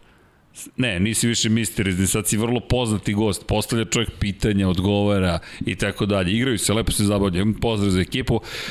Moto2. Moto2 34 poena trenutno deli Remi Gardner i Raulo Fernandez još jedna dvostruka pobjeda ekipe Aki Aja i možemo samo da ih hvalimo. Raul Fernandez druga pobjeda za redom, Remy Gardner drugo, drugo mesto za redom, Remy Gardner ove godine, da krenemo od vodećeg u šampionatu sveta, australijanac, sin Vejna Gardnera, za one koji se eventualno pitaju, čuvenog Vejna Gardnera, po kojem se zove startnos ili pravac u Australiji na ostravu Filip, koji nažalost ne posećamo ni ove godine. Sada mogu da kažu, zove se i zbog tate i zbog sina Gardnerov pravac, pokriš celu porodicu, ne moraš po imenu. Pa to su mogli Markezova krivina i onda si pokrio da. celu situaciju. U svakom slučaju, Remi, Drugi, drugi, treći, četvrti, drugi, prvi, prvi, prvi, drugi, četvrti, sedmi, prvi, drugi, drugi. 14 trka. Ovo je momak na 14 trka. Samo tri puta nije bio na pobedničkom postolju. Ljudi, 11 plasmana na pobedničko postolje. To se zove to se zove šampionska sezona, ali, ali, ali, ali, četiri pobede nasuprot šest pobeda drugoplasiranog u prvenstvu sveta, koji nije tako često podizao pehare, ali su sjajni peti, treći, prvi, peti, prvi, drugi, drugi, pad, prvi, sedmi, prvi, pad, prvi, prvi dva pada, jedno sedmo mesto i jedno peto, to je dva peta. Pet puta nije stigao do pobjedničkog postolja u ovih prvih 14 Pa dobro, to su te nijanse koje vidimo i, i u vodovima. Da, tako je. Tako 34 da. poena, četiri trke pre kraja, ali nije gotovo. To je naprotiv. ono što, što je meni nekako na početku sezone mirisalo i ovaj, mislim da sam to već posle neki Katar rekao da Remy Garden, Gardner neće nužno da pobeđuje I to je ovaj šta treba to da se uradi to, uradit To je to, da, samo što ovo je sad već sad je već meni je delovalo da da je da je posao Drama. završen, ali ali kad neko ovako furiozno niže dve pobede kad se ne predaješ. Da, da. i ne da se ne predaješ nego znaš kako da voziš i da se ne predaješ. Raul Fernandez spektakularno posle ovog pada u Velikoj Britaniji gde smo zaista mislili gotovo. I znaš šta što me podsjeća do nekle? Scott Redding, na to se vraćamo često Junkie i ja Scott Redding 2014. godine u Moto2 kategoriji, ne, 2013. godine u Moto2 kategoriji, pobeđuje na velikoj nagradi Velike Britanije u Silverstonu i ima gotovo nenadoknadivu prednost u odnosu na Pola Espargara, međutim Pola Espargaro ne da, ne da, ne da, ne da, ne da i baš u Australiji na izlasku na Gardnerov pravac Scott Redding gubi kontrolu nad motorom, lansiran je, povreda koja dovodi do toga da ne nastupi na ostrovu, Filip Poles Pargaro tu već završava posao i titula pripada Polo Espargaru. Nema predaje i Raul Fernandez se neće predati. Jedva je stigao do cilja, iscrpljujuća trka, to smo videli, ali je stigao. I stigao je kao prvo plasirani, svaka mu čast i dalje povređen, ta peta metakarpalna kost je polomljena pre nekoliko nedelja na, na tokom vožnje biciklom. Nema što da Dobro, da kažem. znao je šta mora, šta mora da uradi na ovoj trci, on je to isporučio, da, sad da. malo je bilo u finišu čupavo. Čupavo i za Remija. Stvar, da, je čupavo i i za Remija, i ali, ali je fascinantan način kako je, kako je Remi ovaj, spasao mu sebe. Krenuo da, ma ne, ne, kako je generalno, da krenemo od početka, kako je krenuo da finišira trku. Meni to, da. to stvarno bilo da li, kao, da li je moguće da neko takvu stvar sačuvao za, za finiš, da, da, da, da, da tako može da, da krene. Pa evo pogledaj njegov tempo. Ok, drugi krug 1.37, 8.07, najveći Sony mi se isprečio, ali pročitat ćeš. Stvari čekaj, ući ću ja ovde. Pa pazi, čekaj, evo završ, znaš kada je vozio najbrži lični krug? u 19. krugu 1.37.000, a onda 37.0, 37.1, 37.2, 37.2, 37.4, 37.4, međutim, njegovi usponi, padovi, gornji i donji do, delovi su 37, 4, 8, 5 i 37, 0. Ja sam se sad naježio. 1, 37, 8 deluje kao anomalija. ta vrsta preciznosti kod jednog i kod drugog iz kruga u krug je za pamćenje. Bukvalno, evo i pogleda na, na Fernandezove krugove, 1.37.6 je jedan od sporijih krugova i dva takva kruga ima u završnici. Već tu po, posustaje, Raul ne posustaje Remi, ali Deki. Kurvone. Ljudi, 230 km na čas na temenu krivine u Moto Grand Prix klasi. U Moto 2 nešto niže, oko 200 km na čas. 200 km na čas. Remiju kliza prednji kraj, kliza zadnji kraj i dodatna dimenzija, kasnije sam to, dakle, po, odeš pogledaš MotoGP.com pa prevrtiš prošlost i kažeš ok. Pre 12 meseci to je u uvodu pričala ekipa baš sa MotoGP.com, nisam siguran ko je, da li je Steve Day to rekao, Steve Day, da. Ej, setite se 2020. Remi je ovde high side imao. Remi imao high side, potpuno sam zaboravio, hvala i po, pozdrav za Steve Day, to je jedan od naših kolega. I ti kažeš, čekaj, stvarno, aj se vratimo u prošlost. Remi je tu lansiran 12 meseci ranije. I ti tu prolaziš u poslednjem krugu. Nije baš poslednja krivina, ideš sa 200 km na čas. I juriš prvoplasiranog Ralo Fernandeza, ako padneš, Au, na samo 17 pojena je bitka za titulu šampiona sveta. I ti ne puštaš gas i ok, ostaću na točkovima, ostaješ na točkovima i na kraju kažeš, a, da, bilo je malo dramatično, bilo je malo, ne, ne, ne, Remi, bilo je mnogo dramatično, ne smijem da pomislim kako je mami i tati bilo, ali on ostaje na točkovima, Raul završava. Pa generalno najveća nesigurnost ove sezone. Da, Da, to je taj moment. Kad sad pokušam vratim film, mislim da ga Nije nisam vidio nešto. Ima. Bilo je u, na Red Bull ringu onih par nekih ali ništa poput Odlazak ovoga. šljunak, ali ovo je ovako je bilo je na da, granici, da, da, ali ti da. pokazuje da. koliko on želi pobedi i koliko je taktika nepromenjena. Pa znaš kako sa sa tom pobedom on je on je nanjušio da da može. Da može. Ja mislim da bi tu bi to bi bilo to. To bi bilo 44 bi bilo poena. To, da, da. To, I, to je i ozbiljan, ozbiljna poruka Raulu, tako da ovako Otvoreno je. Otvoreno je, ali na, Remiju na ruku ide to što ostali stvarno nekako nisu, nisu blizu da im konkurišu u svakoj trci. Desi se ponekad da se tu neko, neko ubaci ovaj, i Augusto i, pa dobro, i, i, i se... Sem i ne znam, ajde čak i pojavio se Kane ovoga puta, Kane, ali, da, ali uvek slabo. se po neko, neko pojavi, ali nekako Remi eh, koje, koje, kojeg zadovoljava ta druga pozicija u, u, u tom, tom smislu vezano za, za bodova, vidimo da ga ne, ne zadovoljava kad je u direktnom okrušaju sa Raulom, nekako uspeva da, da odbije te njihove napade. Tako da, a on ako nastavi do kraja da na preostale četiri trke ako imamo, al tako? Jest bude drugi, on je rešio posao. Neki, koga je da, ugrozio suštinski? Da, Njego, da. On ima čovek metodologiju celu. On ima metod rada. To je ono što mene oduševljava i kod Aki Aja. Mislim da su Raul Fernandez i Remy Gardner zagrizli metodologiju Aki Aja. I kada poveruješ u to što ti priča, to, to je uvijek situacija tako, pogotovo u sportu, se to, to, je, to je veličina, lepota sporta. To je kao svakoj firmi, u bilo čemu čime se bavimo, imaš neku ekipu organizovanih ljudi u kojoj se ti, pri, kojoj se ti pridružiš, u koju dođeš i oni ti kažu ovo je naš metod rada. I ti kažeš, ma ne, ne, sad ću da vas naučim kako se to radi. Stani. Stani. Saslušaj šta imaju ti ljudi da kažu. Pogledaj njihove rezultate. To su preozbiljni ljudi. I meni deluje da su se našli savršeno. Da je Aki Ajo, zajedno s sinom Niklasom Ajom, našao grupu dvojice vozača koji kažu, aha, to se tako radi. Okej. Okay i koje onda dodaje, to je ono što je Pep Guardiola pričao, dve trećine terena su moje. To je moje, kao tvog menadžera. E, ona poslednja trećina je tvoja. Ali ove dve trećine ima da bude kako sam ti ja rekao. I oni su, mislim, na, našli savršen način. Jer ti kada pogledaš, oni, oni ne, ne, ne paniče. U treningu postoji problem za Gardnera, ti se samo pitaš, ti ne znaš šta su uradili, samo se pitaš kada će se videti rezultat i potvrda da su ga rešili. I to se dešava. Pazi koliko dvostrukih pobjeda za ovu ekipu. Pa neverovatno. Potpuno je ma, ma, suludo je pričati. Mi, pazi, dvostruka pobjeda u Francuskoj, dvostruka pobjeda u Italiji, dvostruka pobjeda u Kataloniji, dvostruka pobjeda u Holandiji, dvostruka pobjeda u Aragonu, dvostruka pobjeda u Mizanu. To, to, to se ne radi, to je Moto2 kategorija, ti si u situaciji da, da tu, tu treba da se stalno mešaju karte. Ne, ne, poseban nivo su dosegli, ja sam rekao, ok, Vanja, hvala. E da, brkovi stižu još malo. Čekajte, e kad sam spomenuo ovu majicu, da, stiže nam oktobar, krećemo polako, tako da eto, kogod da kupi roze majicu, ponosno je nosite, a s druge strane znajte da novac odlazi u neki dobrotvorne svrhe, tako da, eto, dvostruka zabava.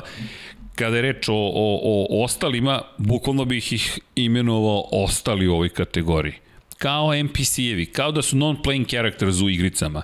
To su neki likovi koji će popuniti ekran i malo će se smenjivati i vidjet ćete jednom jednog, drugi po drugog, treće po trećeg, ali suštinski neće ugroziti ovu dvojicu koji su zapravo playable characters. I to je to. To mi zaista tako izgleda. Da, Sam Lowe's je bio četvrti, produžen ugovor do kraja 2022. Da, stiže mu Toni Arbolino, promjena ima mnogo. S druge strane, Augusto Fernandez, rekli smo, ide u ekipu Aki stiže tamo Pedro Acosta, dvojica vodećih odlazi u Moto Grand Prix, Marko Beceki takođe odlazi u Moto Grand Prix, Aaron Kane, e, to je dobra vest, ja mislim za njega, ide u ekipu vrlo ozbiljnu. Pons, Alfonso Sito Pons, dvostruki šampion Španije sa kraja 80-ih, 88. i 9. u 250 kubika, ali pre svega jedan izuzetan menadžer ekipe, sličan Aju, sličan dok, nam je, dok je bio sa nama Fausto Gresiniju i to je dobro za, moje mišljenje da, je, da će to biti dobro za Kaner, mislim i da veruje da, da će mu Kalex više prijati. Pridružuje mu se Jorge Navarro, pohvale, dakle Jorge Navarro je nekako živeo svoju karijeru, loša je bila trka za Jorge Navarro, ali okej, okay oživio je svoju karijeru, ponovo je nekako igri.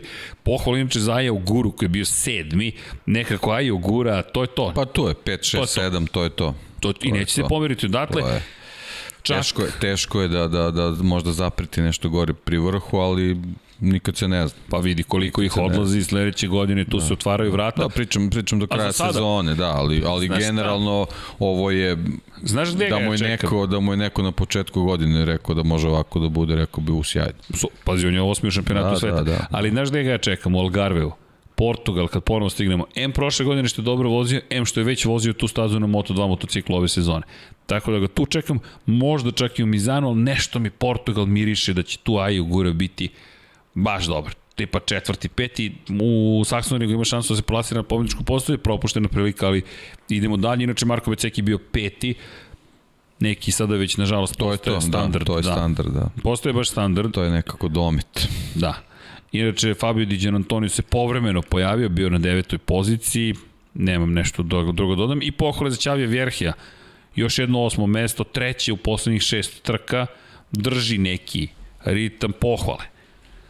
Morao bi mnogo bolje od toga sada već u ovoj fazi karijere, ali ok, makar nešto je učinio i da ne zaboravimo Celestina Vieti, od ljudi koji bih istakao deseta pozicija za Ćeleja, kako ga zovu, to je ok, i Tom Lutiju penzionerskoj Pa nekako su se poređali u ovoj trci onako kako kako bi smo očekivali. Kako bi očekivali da. možda neka pozicija gore dole, ali u principu to su ti kad podvučeš crtu bilo gde, kažeš da ok, to je to.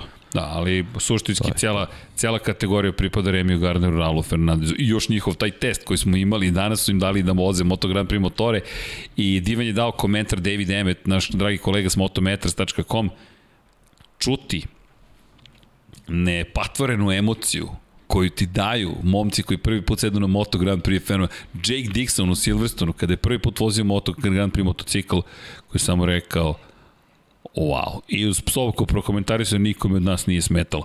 Ali okej, danas isto nisu baš psovali, ali su bili mnogo srećni i jedno čekam da ih vidim, a jedno čekam da vidim Denisa Fođu u nastavku sezone u Moto3 kategoriji. Deki, mi imamo ovde novi šampionat. Poslednjih sedam trka, tri pobede Denisa Fođe, tri treće mesta i jednom nije bio među vodećih 15, na 42 poena za ostatka odnosu na vodećih Pedra Kostu, treći plasirani Sergio Garcia, treće plasirani Sergio Garcia, ima isti broj poena, ali treće plasirani je Sergio Garcia, bio četvrti, sedmi bio Pedro Costa.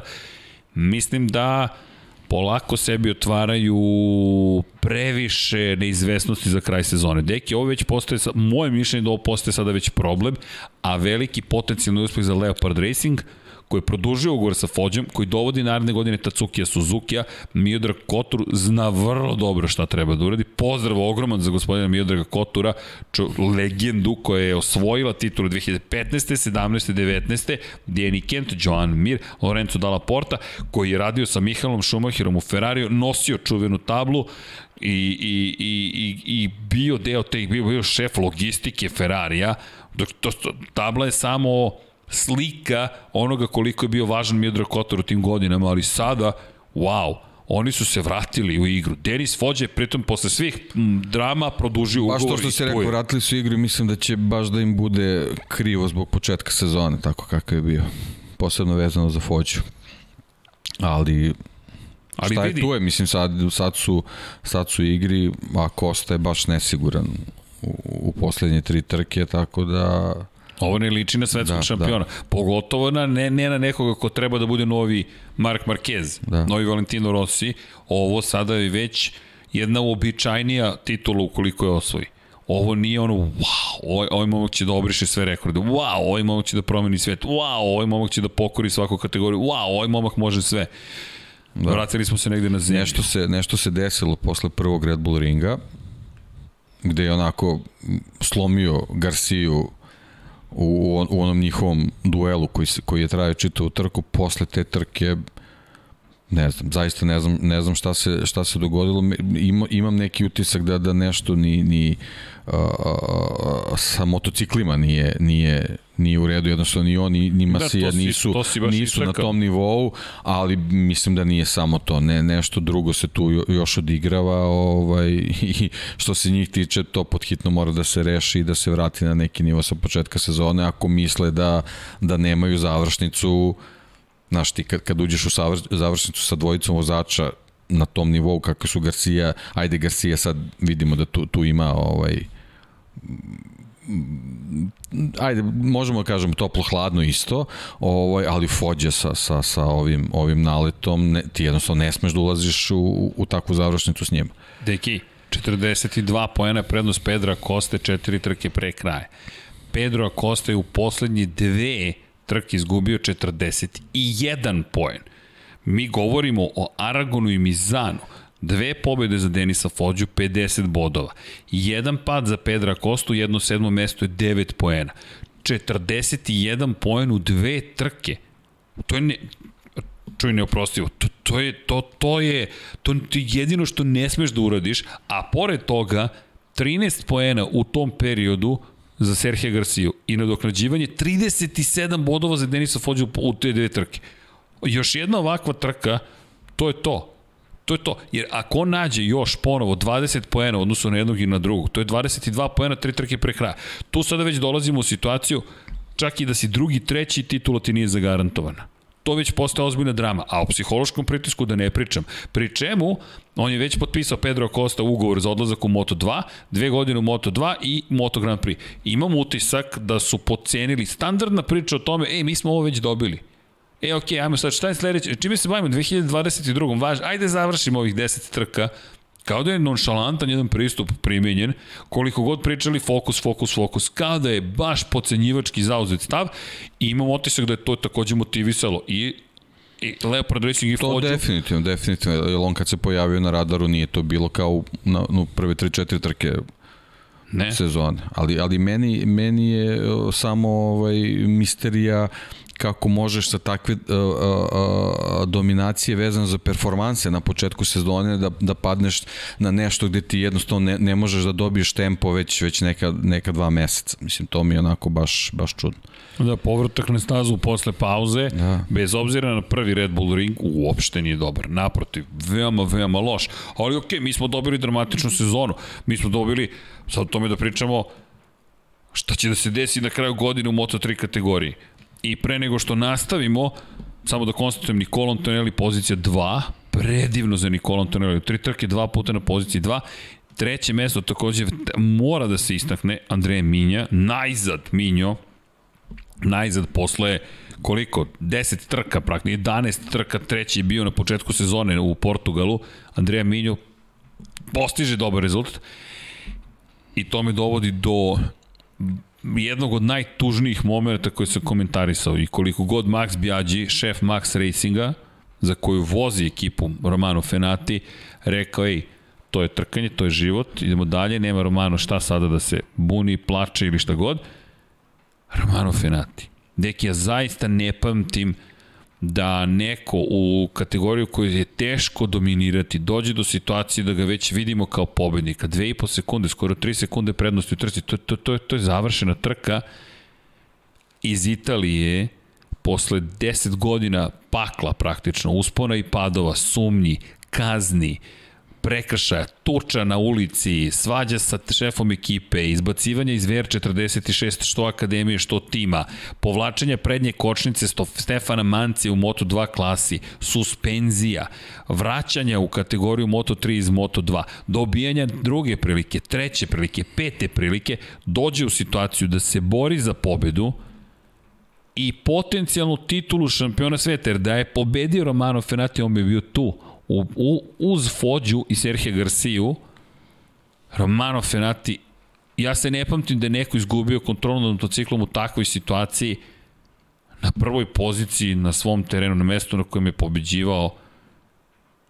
Bilo mi je teško, moram da ti priznam. Znam da je to sport i ok, idemo dalje, sam je napravio grešku, sve, to su sve njegovi izbori, ali nekako malo ljudskosti, malo saosećajnosti u krajnjem slučaju, gledaš i samo Kažeš, nemaš nikakav komentar. Pa, meni je, bilo mi je žao u, tom, u, u, u prvom trenutku, ali ne znam, nekako bi se složio s tim što je, što je Bjađi rekao. Iskreno, ovaj, da je uspeo da završi trku u tom stilu, mislim da bi ono ogromnu, ogromnu stvar uradio, tako da zbog toga to odustajanje možda ne gledam tako tragično, a voleo bi da možda i on to tako ovaj to tako shvati da jednostavno uh, uh, ako si trkač moraš do maksimuma da voziš tu trku do kraja, posebno na, na toj svojoj teritoriji.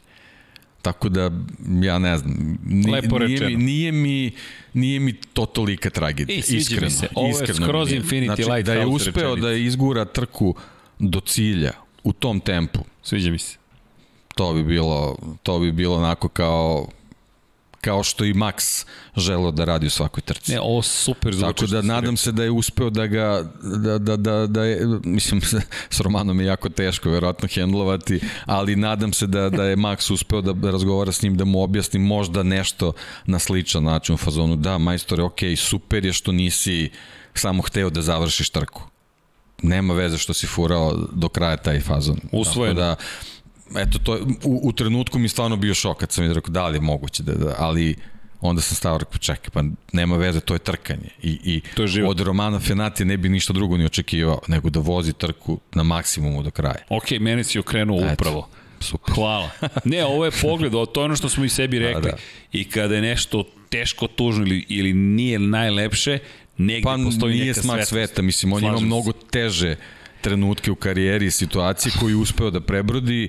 Ovo je jedna trka da je pobedio na način kako je mogo da pobedi, to bi bila pobeda hey. ala Romano Fenati, a da je pobeđivao tako ali, što bi kalkulisao do finiša, to, to zna, nije on. Ali to nije on, ne, on nije jednostavno... ništa drugo da uradi. I ništa, s tobom se slažemo u potpunosti, samo, samo Italija, Da, bah, kažem, da, to agonija. bi, to bi bila ali upravo ozbiljna prekretnica, ali diži se, idemo dalje, dao si gas i ok, uradi kao sledeći. što je Banjaju uradio sledeće godine, dođi i Tako sledeće je. godine pobedi na ovaj način. I vrati I se u velikom stilu, ideš u Moto2 klasu, ići ćeš u speed up, najvratnije kod Bosko Skura, pa da vidi. God, okay, kako mi se god, više da, sviđa. Eto. I tu Mislim, bi... nadam se da on, da, da on ovaj, to nije teško shvatio, ali kažem, imao je on, imao on takve situacije, znao on da se izbori s tim, tako da... Mislim, video sam kako je ono, jednostavno ne može čovjek da ustane. Mislim, ne može da ustane. Okay, ali to je možda taj trenutak, naravno, ali posle... Teki, držimo se posle, tvog pogleda, zato što je... do 10 i kažeš, ok, aj, ajmo ponovo. Ej, živje, zdravije, može Tako ponovo, je. vozi. Da, da, da, da li su razmišljali o tituli, možda su, ali to je mnogo daleko bilo do, do, do pre nekog vremena. Znam, ali Tako da... ako nije veruje, teško je to izbaciti iz glave. Naravno, to je ono što će biti naravno. test. Možeš da kaže, jer vidi, ovoga puta nije bio bad boy. Ovog da. puta nije bio bad boy, mogao je da bude good guy. Mogao je da bude good guy, mada. Imperator kao, Imperator. i, kao i Max. da, ali, ali to je isto. Neko je napisao, Jorge Lorenzo u garaži Maxa Bjađija, vozi Romano Fenati za ovu ekipu, još samo nedostaje Andreja Janone. Za one koji ne znaju, Andreja i Angel, A, Angelo, izvinjavam se, Angelo, Angelo Janone su menadžeri Romana Fenatija. Nije bad boy tim, to je bad, bad, bad, bad guys tim. Oni su prihvatili tu ulogu. Niko to suštinski nije loš, ljudi.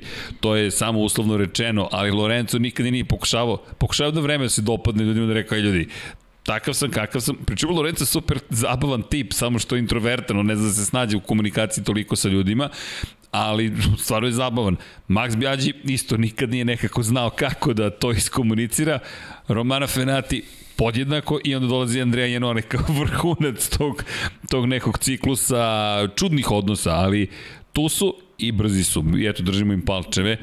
Inače, pohvalio bih još samo Carlosa Tataja u celoj priči što je bio, je prošao kroz cilj, volim da vidim neki ljudi koji tako očekuješ i ništa se ne desi. Ali, ne bih se zadržavao mnogo duže na Moto trojkama, s obzirom na činjenicu da nas čeka još, još dve stvari nas čekaju, deki, izvini, molim te, ali to, to moraju da ti se izvinjavaju iz Moto i Superbajka još par stotina kilometara i završili smo, ali odbrojavaju se. Znaš ono kad voziš autoputem i prešao si hiljadu i znaš da imaš još 200 i kažeš, ma okej, okay, stići ćemo, stići ćemo. Moto je kategorija. Odlučena je titula o šampionu sveta. Šampion sveta je ponovo Jordi Torres, međutim, Trka broj, ajmo da krenemo od trke broj 1, pošto je uvod neophodan. Trka broj 1, prvo želimo brzo porovak Alessandra Zakone. Na kraju završio na poziciji broj 5, jedine trke koje nije završio na domaćem terenu, iako smo negde gledali ka Zakone kao potencijalnom šampionu, najviše gledali ka Eriku Granadu, pa Dominiku Egerteru. Zakone imao baš ružan pad, povredio je prosto ozbiljna je povreda. Karlična kost je u pitanju, ja se nadam da će se oporaviti za Moto2 kategoriju potpunosti za narednu sezonu. Šteta za kone koji imao pobedu na početku sezone i završio sve trke, imao lepo priliku da bude prvog sveta. Prosto nije uspeo. Eri Granado, je bio tipični Eri Granado. Pozicija broj 2, poslednja krivina poslednjeg kruga, ispred njega Dominik Egerter, na nemogućem mestu gotovo, iako smo videli neka uspešna preticanja u Moto Grand Prix klasi, prosto nije bio na tom nivou Eri Granado, uliće, izbacuje sebe sa staze, ali utiče i na trku Dominika Egertera koji prolazi drugi kroz cilj, što će se ispostaviti kritičnim kasnije za odluku o šampionu sveta. Zašto? Sa pozicije broj 3, odjednom sa 16 poena na poziciju broj 1 sa 25 poena dolazi Jordi Torres i ulazi u poslednju trku kao kao čovek koji vodi u šampionatu sveta. I to sa 97 poena. U tom momentu 89, to jest 8 poena manje ima Dominik Egerter, mi započinjemo drugu trku, mnogo uzbuđenja, drame, Jordi Torres po, uspeva da povede, prati ga Dominik Egerter, sustiže, sustiže, sustiže, preteče, preteče, preteče, stižemo pokušava da pretekne, uzvrće Torres, pokušava da pretekne, uzvrće Torres i par krivina pre kraja trke Dominik Egerter pokušava, ni prljav manevar, tu se slažem sa Davidom Emetom, sjajno je to opisao, podsjetilo me na Lorisa Capirosi i Tecuju Haradu 1998. u Argentini, kada je osvojio titulu Loris Capirosi manevrom koji nije imao nikakvu šansu da bude uspešno završeno, osim ako se ne odbije od Tecuje pa, Harada. Pa Kapirosijev manevar je imao kalkulaciju. Tako je. Ovo nije, ovo je jednostavno trkački bilo da, trkački manevar. incident, izbačen sa staze Torres. Gubitak kontrole na trenutak i to je to. Ali na trenutak samo. Nije to ne na ulazu, na polovini krivine. Izbacuje Torresa sa staze, to je Torres završava na 13. mestu. S druge strane, kada govorimo o Dominiku Egerteru, Dominik Egerter uspeva da završi trku kao prvoplasirani, mi dobijamo novog šampiona sveta, mi dobijamo na vrhu planete Zemlje Dominika Egertera i počinje slavlje slavi njegova ekipa, ali mi smo svi sada pod znakom pitanja, pogotovo što nije 1998. Inače, tada Loris Capiros imao prednost u šampionatu pred poslednju trku godine, Tecuja Harada samim tim što je bio eliminisan sa staze, čak i da bude diskvalifikovan ili kažnjen Loris Capirosi sigurno neće postati šampion sveta, osim ukoliko ne odluče da obrišu celu godinu Lorisu Capirosiju. Zašto to napomenjem? Pa sezonu pre Mihael Schumacher u Formula 1 povukao sličan potez protiv Žaka Vilneva, ali šta se desilo? Desilo se da je Vilnev osvojio titulu na stazi, šta god bilo sa Schumacherom. Schumacher je obrisan iz knjiga šampionata sveta Formula 1, ne njegove pobjede, statistički rezultati, ali je obrisan bodovno, što je sramota ogromna, ali suštinski nije promenilo poredak iz perspektive toga ko je prvak sveta. Ovde sada imamo situaciju šta sada radimo sa Dominikom Egerterom. Šta? Brišu se rezultati, ne mogu se brišu rezultati, to je trkački incident. S druge strane, onako, jedan čudan ukus u ustima ti ostaje uleteo je na jedan neoprezan način, napravio grešku, izbacio Đordija Torresa sa staze i osvojio titulu. Da li je time osvojio titulu i da li bi taj manevar bio uspešan? Baš onako teška jedna situacija. Onda dolazimo do toga da čekamo, Sad izvinite na besedi, ali to bukvalno tako izgleda. Čekamo i čekamo i, i čekamo i čekamo. Dinavolt, to jest, da, Dinavolt Intact Grand Prix ekipa Likvi Moli su u Moto dvojkama slavi osvojenu titulu i onda samo čekamo taj, to jest informacija Kajron je izašao da je pod istragom ceo incident, čekate saopštenje, jednom saopštavaju da zapravo se dodeljuje prolazak kroz pit lane kazne Dominiku Egerteru, 37 ili 39 sekundi dodatnog vremena, što ga smešta zapravo na poziciju broj 12, ne 13, oprostite, da, ne 12, i dobija umesto 25 poena 4 poena, 3 poena za Đordija Torresa koji je prošao kroz cilj kao 13. i uz 7 poena prednosti šampion postaje Jordi Torres. Da se vratim na trku broj 1 Moto E klase dan ranije u Mizanu, da je Erik Granado uspešno izveo svoj manevar, uspešno pobedio, Dominik Egerter bio drugi, Egerter bio svojio 20 poena, 16 poena bio osvojio u toj celoj priči Jordi Torres. Međutim, Torres osvaje 5 poena više kada saberete tih 5 poena i napravite razliku u tome da je umesto imao minus 4 plus 5, to je 9 poena razlike. Dakle, čak i da je Granado bio uspešan u svom manevru. Da nije pokušao da izvede taj manevr, ne kažem da nije trebalo, Dominik Egerter je zagarantovano šampion sveta. E sad, dodatna dimenzija u celoj priči je u tome što Dominik Egerter se, moram samo da provim trenutno stanje, izvinite, ne znam ga na pamet, u svetskom šampionatu u supersportu nalazi na poziciji broj 1 isti, istoga dana, to je tokom istog trkačkog vikenda kada se vozi trka za Moto E, za šampionat sveta Moto E klase, se vozi trka šampion, za šampionat sveta u supersportu. I u supersportu mi imamo koga? Vodećeg Dominika Egertera, koji sada dolazi u situaciju da zapravo tamo ne nastupa, a mi ovde dobijamo priču u kojoj je o nekim bizarnim incidentima. U svakom slučaju Dominik Egerter Možda će postati šampion sveta super sport kategorije, ne znam, vidjet ćemo, ali činjenica je da je došao u situaciju da na jedan čudan način izgubi titulu. Jordi Torres je u suzama prošao kroz cilj. Odluka sudija koja, eto, mislim da može da postane presedan za kasnije situacije i da ćemo o tome tek pričati s obzirom na činjenicu da da je ovo nešto što zaista je neočekivano. Ti, ti, ti, ti donosiš odluku e, po završetku trke o tome ko će biti prvak sveta, a desio se trkački incident, ne znam, jedno vrlo, hajde da kažemo, kontroverzna situacija, ajde blago rečeno da se izrazim tako, kontroverzna situacija. I molim vas za mišljenje, dobit ćemo ga i od Dekija, Deki je morao na sekund samo da izađe, da me napusti samo, ja se nade tu negde, evo da Deki stiže, jer Dekijev komentar mi je mnogo važan, s obzirom na činjenicu da mi ovde pričamo o trkačkoj situaciji, koja koja, je li sve okej? Okay? Da, da, da. Super, da, super. dobro. Neki poziv je bio ovde, ali mislim da ćemo malo da ubrzamo stvari. Moram da vam priznam nešto, pošto smo mi ovde trudimo da iskreni. Deki morat ćemo malo večeras da skratimo pitanja zašto moramo da čuvamo Dekija. Zato što nam je Deki imao naporan dan, a mi smo ljudi vremešni u godinama, jogu nismo videli, kamoli teretanu, tako da ne zamerite li ljudi smo pre svega, vodimo računa. Deki, nećemo još dugo, Jesi mi ti dobro? Ma sve okej, okay, sve Super. Okay. Ovo, Deki ne voli, inače on je pravi ratnik, nema slabosti, ali Samura i samo kratko, tvoje viđenje ove situacije koje smo imali u Mizanu. Dakle, da ti promeniš odluku o šampionu sveta po završetku trke, posle trkačkog incidenta, ja se bojim presedana da ćemo sutra opet imati sličnu situaciju. Ne znam šta je ovde ispravno, šta nije. I baš me zanima tvoje mišljenje. Nismo uopšte diskutovali pre početka emisije.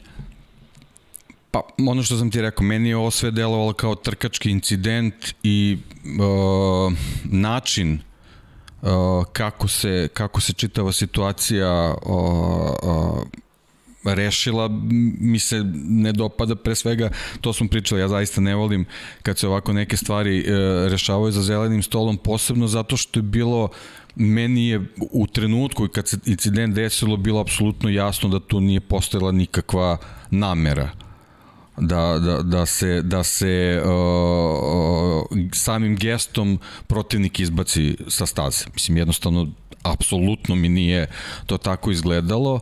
Ovaj, dok sa, sa druge strane uh, uh, to je to sad ono, kreću, kreću to neke emocije, znaš, kad neko na taj način ostane bez mogućnosti da, da se bori za titulu, naravno da, da sve simpatije krenu, krenu na njegovu stranu, ali jednostavno mislim da da, da, da nije... gledano, pa...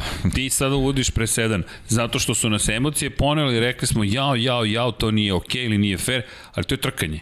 To je sastavni deo trkanja, to se desilo. Absolutno. Ima tu još jedna strana medalje. I ne kažem da je Jordi Torres tako trebalo da podstupi, ali Jordi je ušao u tuču. U smislu, ušao si, ne u tuču, povlačim to tuča. Tuča nije lepa reč. Ušao si u, su, u, u duel. Ušao si u duel. Dakle, u dvoboj si ušao. Pa dobro. Jedan džentlmenski dvoboj. Da, I to je legitimno. To je okej. Okay. Ali Mislim, u dvoboju to je, to je trkanje. možeš da izvučeš i od deblji tako kraj je, na ovakav način. Mogu si da pustiš Egertera i da kažeš idi, pobedi. Moja je titula. Da. I, ni, I ne postoji nikakva Ali opet, to je, to je, e, to je isto način kako sam razmišljao u Fenati. On je želeo da završi sezonu Jeste. pobedom i, i to I je isto okej. I platio cenu. Tako I je. ovde je Torres platio cenu, to. samo što nije, jer nekako kao sažalili smo se na zato što se splet nekih loših okolnosti desio, pa da, da on na taj način završi, pa bože moj, mislim, dešava se, ali mislim da... da, da... Ali moja inicijalna reakcija isto bila emotivno, jao, ne, kapirosti, onda da razmišljaš, Emet što kaže, ne, ovo nije ni slično. Jer ovo ne, nije nema s predumišljem. Pa upravo to, apsolutno. bio s predumišljem, išao je u, u, ne na sve ili ništa, nego ja ću se zaletim, pa šta bude biće. Egerter je išao na pokušaj preticanja za titulu tako šampiona je, sveta. Je. I sve, sve do, do zadnjeg točka je bilo okej. Okay. Bilo okej. Okay. I onda je taj zadnji točak jednostavno... Pobegao. Pobegao i... Ali to je trkanje. Tako je. To jeste trkanje. Da Torres da... nije bio toliko blizu, da je Egerteru pobegao točak Torres da, Igirter završava trku. Tako ali je. to se njemu desilo Tako dan je. ranije Tako sa da, Granadom koji ga je srećom promašio. Ali. Okay. Tako da, kažem, mislim, ja, to, ja, ja ne, volim, ne volim kad se za zelenim stolom dešavaju takve stvari, ali i, imali smo, znači pričam samo za motociklizam, ne ulazim u automobilizam, imali smo u, u prošlosti i uh, mnogo teže situacije zato što su sa predumišljajem bile pa nisu na ovaj način rešavane tako da mislim da nije ni ovo ne dopada mi se presedan koji ovo nije nije publicitet koji treba moto je kategorija ne. Eto, I, ne, samo to. i mislim da su, da su da. opasnu stvar uveli u svetsko prvenstvo je samo kratko Superbike, ja ostajem za pitanja, deki, kada pričamo o, o Superbajku, tamo je fenomenalno. Jedan poen trenutno deli vodeću dvojicu. Topraka Razgatlioglu na fabričkoj Yamahi i veličanstvenog velikog šestostrukog šampiona sveta Jonathana Reu na fabričkom Kawasaki. Jedan poen. Ljudi, četiri runde pre kraja, to je 12 trka pre kraja, jedan poen.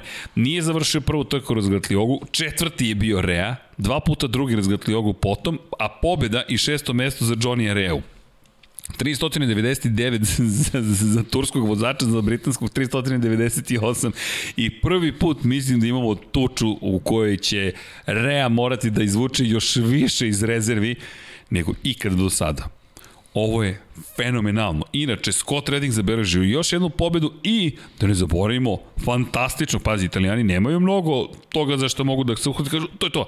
Ali, Mihael Ruben Rinaldi, čovek koji možda može nešto da uradi, zabeležio pobedu još jednu, ne ove godine, ali u budućnosti Rinaldija, ne znam, Mikele bi trebalo da ga zovemo, pratite šta će se tu dešavati, međutim, deki.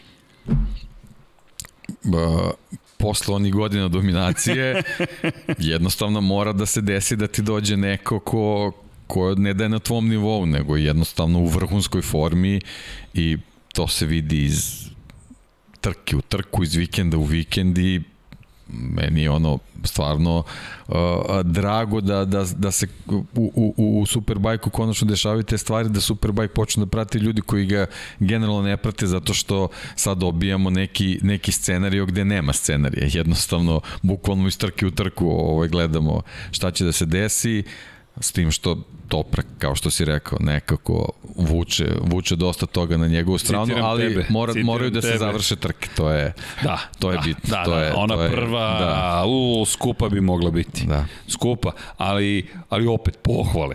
Ma, ej, ej, se tu... Ja mislim da i Johnny tu uživa. Uživa, ne, Johnny. Dosadno je, je osvajati titule. Ne, on je, onako, on znaš, je živa legenda. Da. On, on, se, on je najzad imamo, ajde, trkamo se, takmičimo se, to je pravi Johnny Rea. Fantastično, ja sam raspamećen koliko je to dobro, koliko je to dobar duel između njih dvojice. A bilo je svega već ove sezone. Jeste. I obojice su džentlmeni, kao, ej, sorry, moja greška. Ili moja greška ali ne samo oni, bili smo i, i ostale vozače kad se pogreši, dođe se, izvini se, sve, sve ok, Kaže tako se, da... Tako je. Tako da volio, volio bi da tak, tako džentlmensko ostane do kraja i da se tu pošalje neka, neka eto, lepša poruka apropo ove priče vezane za motoje. Tako da, I, ono, da čekam završnicu. Isto, to je, to isto. Je... A u, u supersportu, samo kratko, naš Manuel Gonzalez, druga i prva pozicija u Barceloni, ne, ne redi čovek sada vidi pol pozicije, pobede. Sad se naljutio. Sad se naljutio. Molim šta, kako? Ne, niste me ispratili. Pratimo te sada i te kako, hvala na tome, ali Steven Odendal propustio veliku priliku. Osmi, sedmi bio tokom vikenda u kojem je Dominik Egerter jurio titulu Moto E klasi, to ono što sam malo prepričao, zašto je malo duže trajala taj uvod i zašto pa zbog toga. Zato što i postoji ogromna priča u kojoj se priča kada je reč o Dominiku Egerteru, propustio obe trke, ali Domi osam trka pre kraja ima skoro 50 pojena prednosti. Ima ogromnu prednost, još nije završeno, ali deluje da će Egerter ovde odneti neku vrstu osete, mada mm, ha, moto je titula i super sport u istoj sezoni, to je istorija. To je da. istorija za Dominika Egertera i mm, ali dobro. Adrian Huertas inače je vodeći u Super Sport 300, još četiri trke tamo kraja, dva trkačka vikenda, samo napominjemo ime i pratit ćemo Super Sport 300.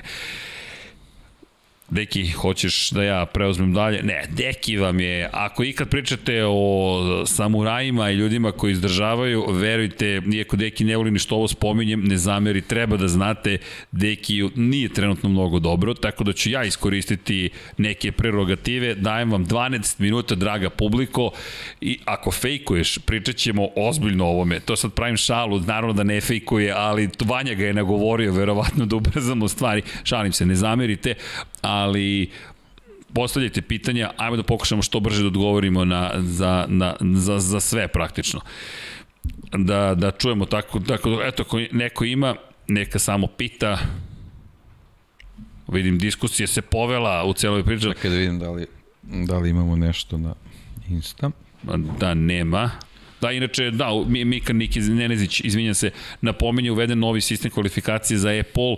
Da, imamo Q1, Q2 po 10 minuta, 10 vozača najslabijih, dva idu... Pa dobro, da, malo, malo se šampionat uozbiljava. On jeste, da, da, i to je okej, okay. da. u duhu Moto trojke, Moto dvojke, Moto Grand Prix kategorije. Inače, ovog vikenda, pošto su se pomerale stvari, smo imali klasične kvalifikacije, po pet krugova maksimalno su imali i bolji mi bio format. Super Pol nekako mi ne ide uz ovo prvenstvo. To mi je baš super bajk i to je okej. Okay.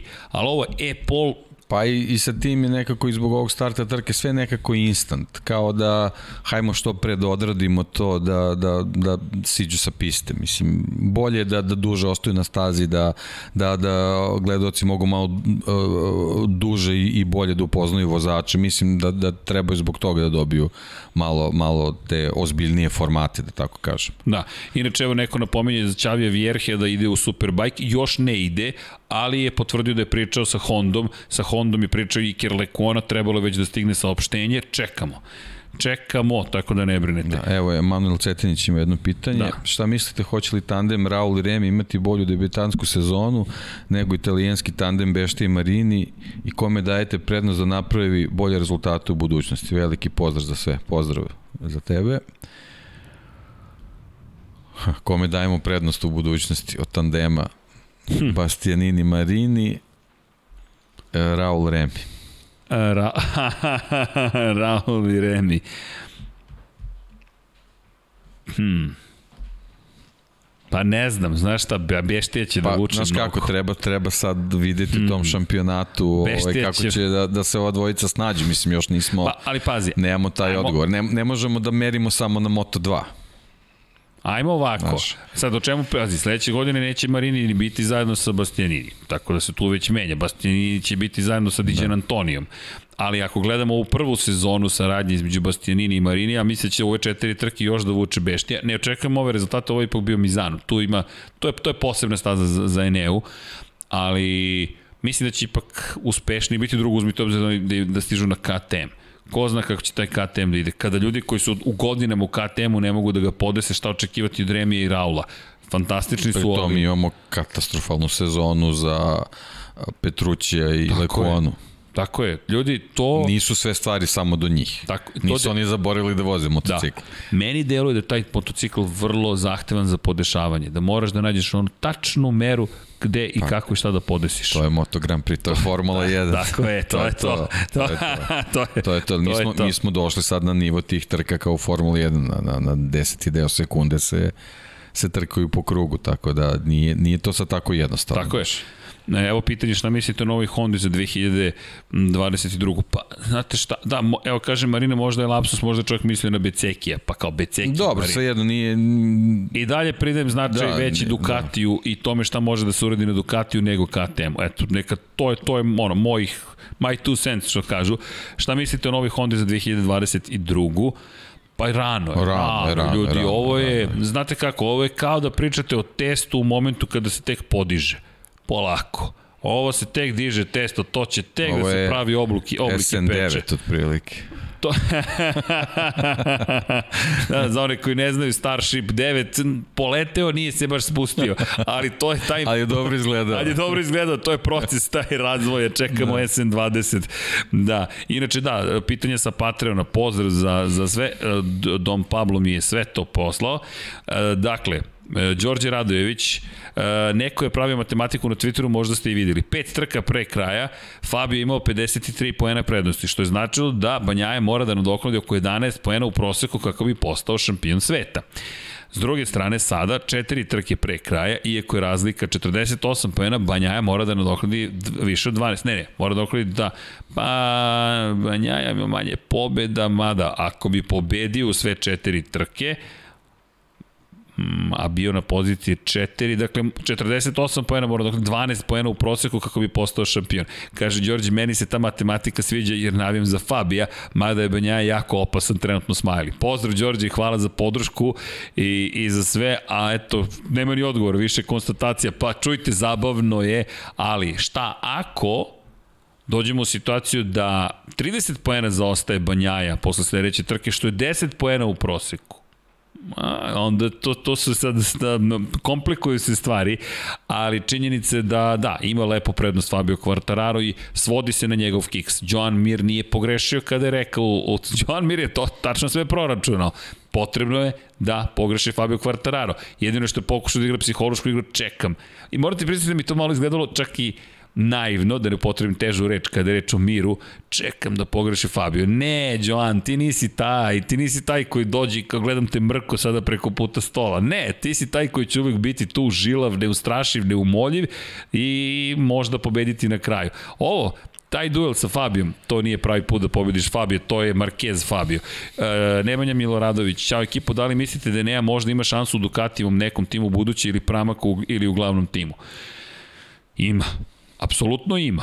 Naravno da ima, ali to sad zavisi od prevelikog broja okolnosti. Ducati će imati osam vozača na svojim motorima naredne godine. Ljudi, to sada već postaje, a ljudski menadžment im je onako. To je kup takmičenja još malo. Kup, pa trećina vozača će da. biti na Ducati. Ja sam za to da imamo šest Ducatija, da imamo četiri Aprilije, četiri Suzuki-a. To bih ja volio da vidim. Da. To bi već bilo zaista, zaista evo zabavno. Jedno, Lazar, evo jedno pitanje, ovo je više za tebe, u stvari pitanje možda zanimljivost, ne moraš sad da odgovoriš, ovaj, ali možda zanimljivo kroz prenos, da, da. da u nekom trenutku kažeš. Kada se, ako se ikada desilo poslednji put da u dve trke za redom imamo identične pobednike u sve tri kategorije? Možda ti to... O, wow, to je super da, pitanje. Da.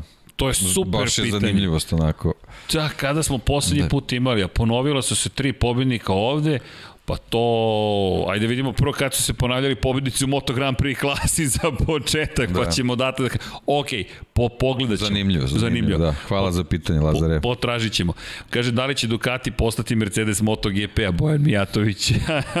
A neće. Ne, sama priroda takmičenja je drugačija. Izjednačenost između motocikala je, ljudi, u šest i po desetinki je bilo 10 vozača u Mizanu. Ne, nema potrebe dalje da, da, da čujte, nema ovde Formula 1 na taj način. Niko ovde nema tu vrstu prednosti koju uživa Mercedes ili koju uživa možda Red Bull ranije ili možda Ferrari nekada. Sada to više ne postoji u Moto Grand Prix. Od 20, moto, ne, od 22 vozača, 19 ima fabričke motore. I kraj. Mnogo je čistije trkanje, tako to Grand Prix. Tako je. Inače, na grub način da se kaže. Bukvalno. Evo da, da, još par samo pitanja i još 4 minute imamo, brzi ćemo biti. Crki, Deki, da li ste videli slike iz Rusije boksova? Meni to zastrašujuće, ovo je nesposobnost organizatora staze. E, poplova je u Sočiju trenutno kada je reč o, o Formuli 1, ali ozbiljna poplava. I sad, znate kako, da, da, da ne trčimo pred rudu, da, da, da čujemo šta se desilo. Nisam video snimke ko, kakva je nepogoda pogodila Soči. Evo vam primjer, Mizano pre hm, 9, 8, 7 godina, ne mogu da se setim tačno, davno beše, je bio poplavljen u petak popodne. Mi smo imali otkazivanje i na stazi Motegi, takođe treninga, nisu mogli. Čujte, majka priroda, kada krene, nema organizatora koji to može eventualno da podnese. Sad, ja kažem, ne znam, nisam video kišu, ali ne želim tek tako da kažem organizatori nisu sposobni, zaista ne znam šta se desilo, ali kada govorimo, na primjer, o Motegiju, koji je ultra dobro organizovan, nije bilo šanse. Nije bilo šanse da uspeju nešto da urade. Isto se desilo u Mizanu, poplava, otkazane, otkazane, otkazan trening. Setite se Holandije, pošto je Dalje Stefano Nepa. Nepa je vozio sa motorom gde mu je curilo ulje po celoj stazi i onda su uzeli cisterne vode da operu stazu, jer jedino tako ste mogli da operete. To je 4,5 km pranja. Ostali su bez vode. Pošto nema dovoljno vode na samoj stazi. Holandija je zemlja koja je ultra efikasna i sposobna, ali realno je nesagrađena na pesku i voda nije baš tako koli jednostavno da nabaviti iz te perspektive. Da, ispod nivoa mora ima vode i tako dalje. Ali, sistem infrastrukturalni koji će vam obezbediti tu vrstu vode da vi upotrebite za pranje staze nije prioritetno morali su da otkažu trening. Nije bilo više cisterni. Ljudi, svašta se dogodi. Organizovati trku i imati trkačku stazu je mega kompleksno, tako da ne bih odmah ocrnio bilo koga, ajmo da vidimo šta se tamo desilo. Još BMW i Kawasaki da se pridruže. Neće, Pričali ali smo, da. bilo bi lepo. Da. E, Ducati hoće titulu po svaku cenu, mogu i da oni 10 motora da naprave. To je istina. To je istina, jedan na jedan, to je istina. To žele, to, to, to žele titulu. Prošle godine titulu šampionatu konstruktora, ove godine verovatno im se smeši ta titula, ali imaju samo i dalje jednog, jedinog... Ej, pa čekaj. Jedini šampion koje godine, deki? 2007. Poslednji šampion Ferrarija. 2007. O, oh, wow, sad sam postao svestan da su Kimi i Casey iste godine osvojili titule za Ducati i Ferrari i to je to, pre 14 godina. Fu, sagradit će onih 15 motora ako treba. Vaše prognoze za top 3 ove godine u MotoGP, a film, a film Schumacher odličan uz vaš komentar. Hvala, Aleksandar. Hvala. Hvala. Top 3 na kraju ove godine. O, ko će biti šampion? Fabio, da. Banjaja i Mir. To će tako Ostaće ostati. Tako, da. To će tako ostati. Mir, on čovek je hronometar na, na, na šampionskom nivou. Tak, tak, tak, tak, tak, tak, tak. Banjaja, bit će tu još dobrih trka, ali Fabio, Fabio mislim da je ove godine to je ta godina kada si zgrabio zvezde i rekao ne puštam, ne puštam, ono, poen, poen na kraju, ali to će biti. I tako. Kako Suzuki uspio da pozove Mira u boksu, Q2 tamanje imao tempo za drugi red? Pogrešili su ne? Elektronika. Ja. Elektronika na, na tabli, na, na motociklu. Bug. Eto. eto. I, I, eto. Dešava se, da. su, desi se, prosto nešto se desilo i bio je poziv, on je ušao i oni su zbunjeno gledali. Oni nisu znali zašto on ulazi, šta ti a on nije znao ovde? zašto ga zovu. Da, stvari ispostavilo se da je, tako. desi se. Tako je. Desi se. Tako je. Niste spomenuli MotoGP Fantasy. Evo brzinski Fantasy, kako da je moj Ja sam 377, proverio sam. Boško kaže, izdominirao sam da. najzad da vi ga ne spomenete. Čekajte, evo Boško, teman da se pozdravimo polako. Kako da dominiram kad mi je Jack Miller u timu. ne a mogu da zato, da nikako. A zato je, da. ja sam 302. Ali ponovit ću. Ja sam 377, da to sam zapamtio. Ali sam i dalje komesar. Šta god to znači. A oni značilo. bustovi? Boostovi, ma zaboravio sam na boostove, da. bavio sam se, bavio sam se pripremama za trke. Inače, Hajduci i Uskoci su na prvoj poziciji, Zatim Matija GP21, Hajduci i Iskoci, čekajte da vidimo šta ste vi tu radili. Banjaja, ok, Quartararo, ok, Gde Ducati. Gde bi mi kraj bio da sam ih zamenio. Okay. Jack Miller ništa, i Mark okay. Marquez. Opa, ovo je bio ozbiljan vikend. Ovo je bio ozbiljan vikend. Imaš Ducati, imaš Banjaju, Kvartarara kao zlatne vozače, a kao srebrne imaš vozače koji su bili četvrti i peti. Ok. Samo je Nea Bastianini još da je bio tu. Da. Svaka da. čast. Matija GP21. Ok, identično. Dobro, to je formula uspeha. Moskvić najbolji. Banjaja Marquez, Ducati, Kvartararo Zarko. Zarko je tu malo posrnio mrči. Quartararo Banjaje Ducati, ok, Mir Miller, ok, tu ne isto slaba greška, svaka čast, Maja 5, bravo za Maju, Fabio Banjaja Ducati i onda Mir i Zarko. Zarko, Zarko tu košta ljude. Opet Quartararo, Banjaja, Ducati, imaš Martina i Mira, malo vas je Martin tu izdao, Br Brkson, Mir, Banjaja, Ducati, Quartararo, Rins. Uf, ovaj Rins je bolan bio. Pornstar. Men, mene košta tri trke. Tri trke. Mm -hmm. Ja sam sa Oliveri, ili, Oliverom platio ceh, ali dobro. Jack birao Miller... sam između Mira i, i Rinsa i sad sam birao između Banja, Banja i Millera zadnje poslednje tri trke recimo koje sam kad sam menjao tako Don da Pablo je dao super komentar. sam ovaj odradio Don Pablo je dao ceo komentar uh, Miller, Banjaje Ducati Mir Quartararo za porno star elitu ali to su ti izbori, nema tu šta. Damjan 31, Banjaja Quartararo, Ducati, Marquez, Mir, ok. I Bogda, Bogda GP, Francesco Banjaja, Fabio Quartararo, Ducati, Joan Mir i Jack Miller.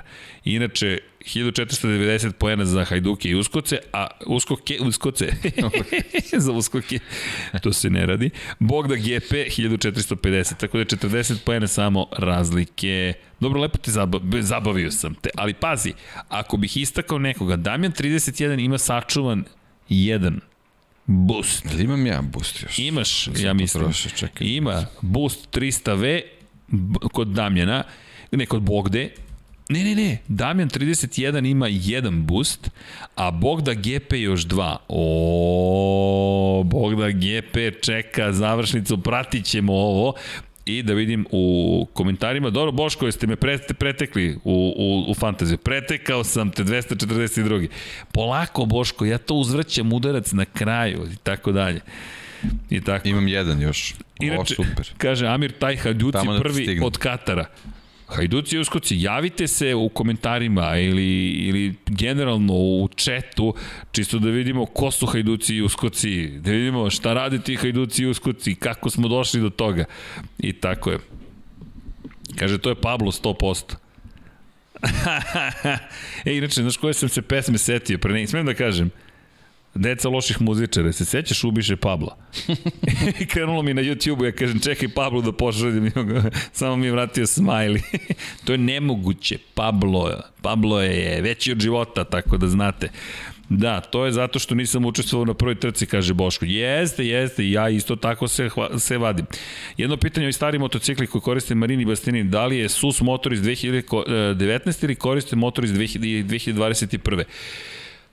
Odlično pitanje, moram da proverim. Mislim da su SUS motori, motori su unutrašnje segurno iz 2019. Zato što mislim da postoji, da je takav sistem zapravo za, za da je usisna grana zapravo takva da je god...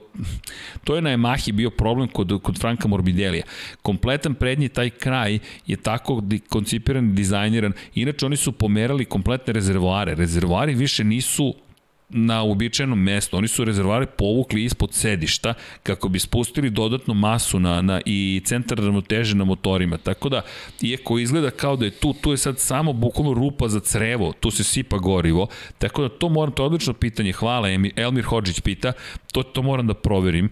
Don Pablo, može to podsjetnik negde da proverimo? SUS 2012. i 2021. Hvala, hvala. E, Zlatko, e, Zlatko Tajtan Ilijevski, Johan, e, Joan Zarko, ukoliko bude fit i ako bude operacija uspešna, bit će pobeda jedna ili dve za njega do kraja. Nadam se. Nadam se. E da, Srki, imaš pitanje kroz donaciju od ranije, sam propustio. Au, Biro, pozdrav svima, 76 kuna. dobra, dobra, hvala. Pozdrav svima. Da li Iko iz Lab 76 zajednice na MotoGP u Mizanu ide? Postavit ću Telegram channel, link u komentaru videa i ako vas ima da se družimo, ćao tuti. Biro, javite se na lab76 at infinitylighthouse.com, samo se predstavite, objasnite, mi idemo. Dakle, ići ćemo u Mizano, zavisit će od pandemije, od papirologije, ali evo mogu da vam potvrdim da će sport klub prenositi sa lica mesta, tako da mi idemo, da, Dakle, sa lica mesta, to, to danas smo dobili potvrdu, idemo, dobili smo zeleno svetlo, kažem, rezervisan sam kada je reč o najavama, jer putovanja jesu problematična. Mi ne znamo šta će, se, šta će u Italiji odlučiti umeđu vremenu, na koje ćemo boje biti država i da li ćemo moći da putujemo. Ali pod uslovom da možemo da putujemo 24.10. bit ćemo tamo. Mnogo je pitanje bilo za padok, nema ulaska u padok. Padok je zatvoren. Tako da koliko god bih voleo da vam otvorimo mogućnost da upoznate vozače, trenutno Jorge Lorenzo može svoje VIP goste da uvede, mi ne možemo. Ne mi. Zatvoren je padok za sve, osim za baš, vaš, VIP, VIP, VIP, VIP, koji imaju sve moguće potvrde, vakcinisani su, imaju poziv da su ljudi od, od značaja i tako dalje. Padok je zatvoren, čisto da znate. I za ulaznice, trenutno su rasprodate ulaznice ukoliko bude mogao nešto da nabavim, svakako ću ajti, ali to je ljudi na nivou nemogućeg. Pitao sam već sada za padok propusnice, rekli su mi nema ulaznica, a padok je zatvoren. Izvinjam se. Hajduci uskoci. Našao a, sam u arhivi. Da, da, da, da. Vlada Darić nam je poslao Hajduci uskoci. Dobro. Marko Stanković iz Zemuna. Marko Stankoviću iz Zemuna. Javite se. Javite se. Inače, Biro, ponesite majice jer nikako krene dostavu u Istru. I stiže, stiže. Evo, danas smo dobili novi e-mail, da ne imenujem banku, koja je rekla niste ne znam šta uradili. Ja, ja deki... Uh,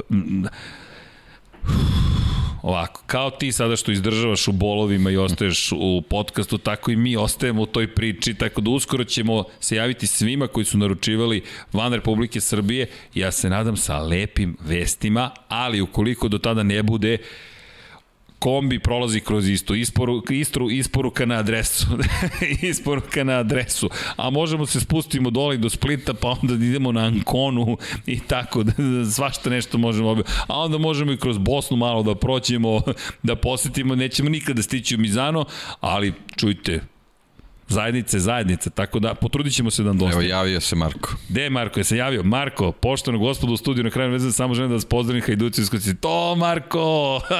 Marko, smislit ćemo neku radost prosto nešto ćemo zabavno da, da smislimo. Tako da, Biro, da znate, tu smo i ovaj, idemo, javit ćemo. Svaka čast za fantazi i jeste svaka čast za fantazi. E, tako da, eto, Hajduci i, i Uskoci. Niste spomenuli film CEV Moto3 u Mizanu. Deki me gleda i smeje se. Civ 3, evo, brzinski može Deki da ispoštujemo. Ovo je brza brzina. Evo Vanja, brza brzina. Va, Vanja će, čujte, ugrožavate moju bezbednost. Daniel Olgado vodi u šampionatu CF3 kategorije. U Italiji nije završio trku, ali Joel Kelso, pobeda ispred Ivana Ortola i Davida Munjuza.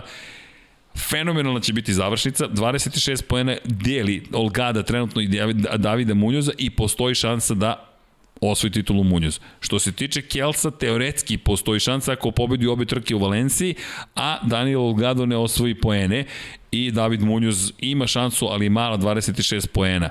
E, dao bih vam i veći komentar, ali verujte mi, sada već smo na nivou toga da ugrožavam deki u bezbednosti, uopšte ne šalim. I ovo, vi znate da mi volimo da pričamo i da se družimo, ali eto, molim vas za razumevanje, Deki, svaka čast hrabro. Ovo je bilo na nivou, ovo je bilo na, kom, na nivou kog povređenog vozača koji je vozio ove godine, seo na motocikl i rekao, ma nema veze, drugari, ja ću da vozim.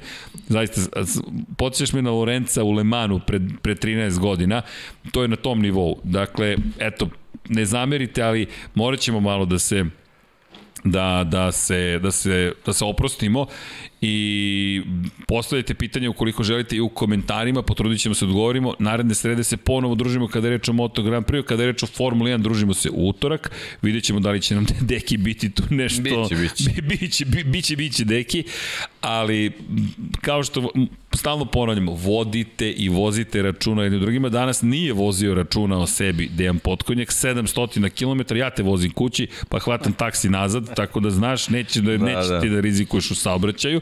U svakom slučaju, mi vas volimo, šaljamo puno pozdrava odavde, vodite, radite računa jednim drugima, mazite se i pazite se. Znaš šta ću da uradim sada? Dom Pablo, dizajn Dukseva, takav će da bude, da na unutrašnjosti piše mazite se i pazite se, da ljudi vode računa jedni od drugima i da se mazi i paze. Tako da, mazite se i pazite se, vodite računa jedni od drugima, volite se, pratite Moto Grand Prix, čitajte knjigu Dejana Potkonjaka Crveno i Crno, možete je naručiti infinitylighthouse.com kroz shop kao i naše majice, još neke majice. I Kimi Kone majice su stigle. Javite nam utiske, molimo vas, s obzirom na činjenicu da nam je to mnogo važno, a i nama pružate mogućnost da radimo neke nove lepe, divne stvari. I vidjet ćete neka, neke već stvari i u studiju i tako dalje i tako dalje koje smo pripremili za, za jednu lepu jesen. Pričamo o ozbiljnim sada stvarima, uvek smo i ozbiljni, ali ne na šaljiv način, meseci prevencije samoubistava, molim vas, ukoliko imate teške momente u životu, svi smo ih imali. Dakle, gde god da se nalazimo, šta god da radimo, svi smo ih imali. Pogledajte jednog Marka Markeza kroz šta sve prolazi. Možemo da pričamo o tome finansijski i neko ovak, u ovakvoj situaciji ili onakvoj. Svako od nas ima svoje snove, svoje emocije. Svako od nas je najtežu u njegovoj koži kada dođu ti trenutki. I, trenuci i najlepše kada su lepi. Svi smo ih prošli pričali o tome ili ne, mi ćemo pričati o tome, verujte, prošli smo sve i svašta i uvek neko postoji kome možete se obratite, uvek mora da postoji želja da, da prosto se ide dalje, ima razloga da se ide dalje, lepa je planeta, jedna jedina koja, za koju sada poznajemo, deki ja se trudimo da podržimo istraživanje novih planeta, ali verujte svakako niste sami. Tu je ekipa Lab 76, 99 yardi, Cosmos 76, pod kapicom, i imate mnogo lepih stvari, mnogo lepih, nadamo se, priča, imate i druge lepe kanale na YouTube-u i ne samo na YouTube-u, lepe knjige, autore, ljude koji pokušavaju nešto lepo da učini da na na neki način, neću da kažem promene sveta, to mi jednako pretencijozno zvuči, ali da pokažu da ima lepih stvari, tako da niste sami. Kada je reč o drugim stvarima, kao što je, na primjer, Alzheimerova bolest, juče je bio svetski dan borbe protiv Alzheimerove bolesti, verujte, sudoko, kviz, puzzle, ne znam, lore igrajte, preferans, poker, šta god, nemojte u pare, igrajte ovako u zabavu, gde se koristi mozak, pamtite stvari, aerobni treninzi inače je dobro da, da, da trenirate, od deki ja, očigledno treba nam i trening snage i aerobni, a i da spavate, to bi bilo pozitivno, mi to ne praktikujemo previše, što se može videti i to se nadamo da ćemo promeniti na bolje.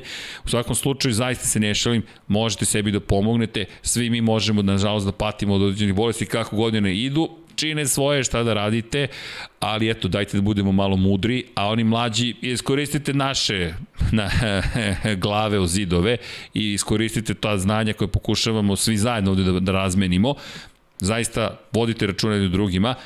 917 na 3030, ako možete, pošaljite, prosto to je lepo učiniti Human 917455, udrite like, udrite subscribe, to nas prosto raduje, patreon.com kroz Infinity Lighthouse. I, i zaista hvala od sveg srca, učestvujte u fantaziju, to je zabavno, možda nećete pobediti u celoj sezoni, ali posljednjih par trka da bude izazovno, a i mi ćemo se potruditi da malo tu pokažemo snagu.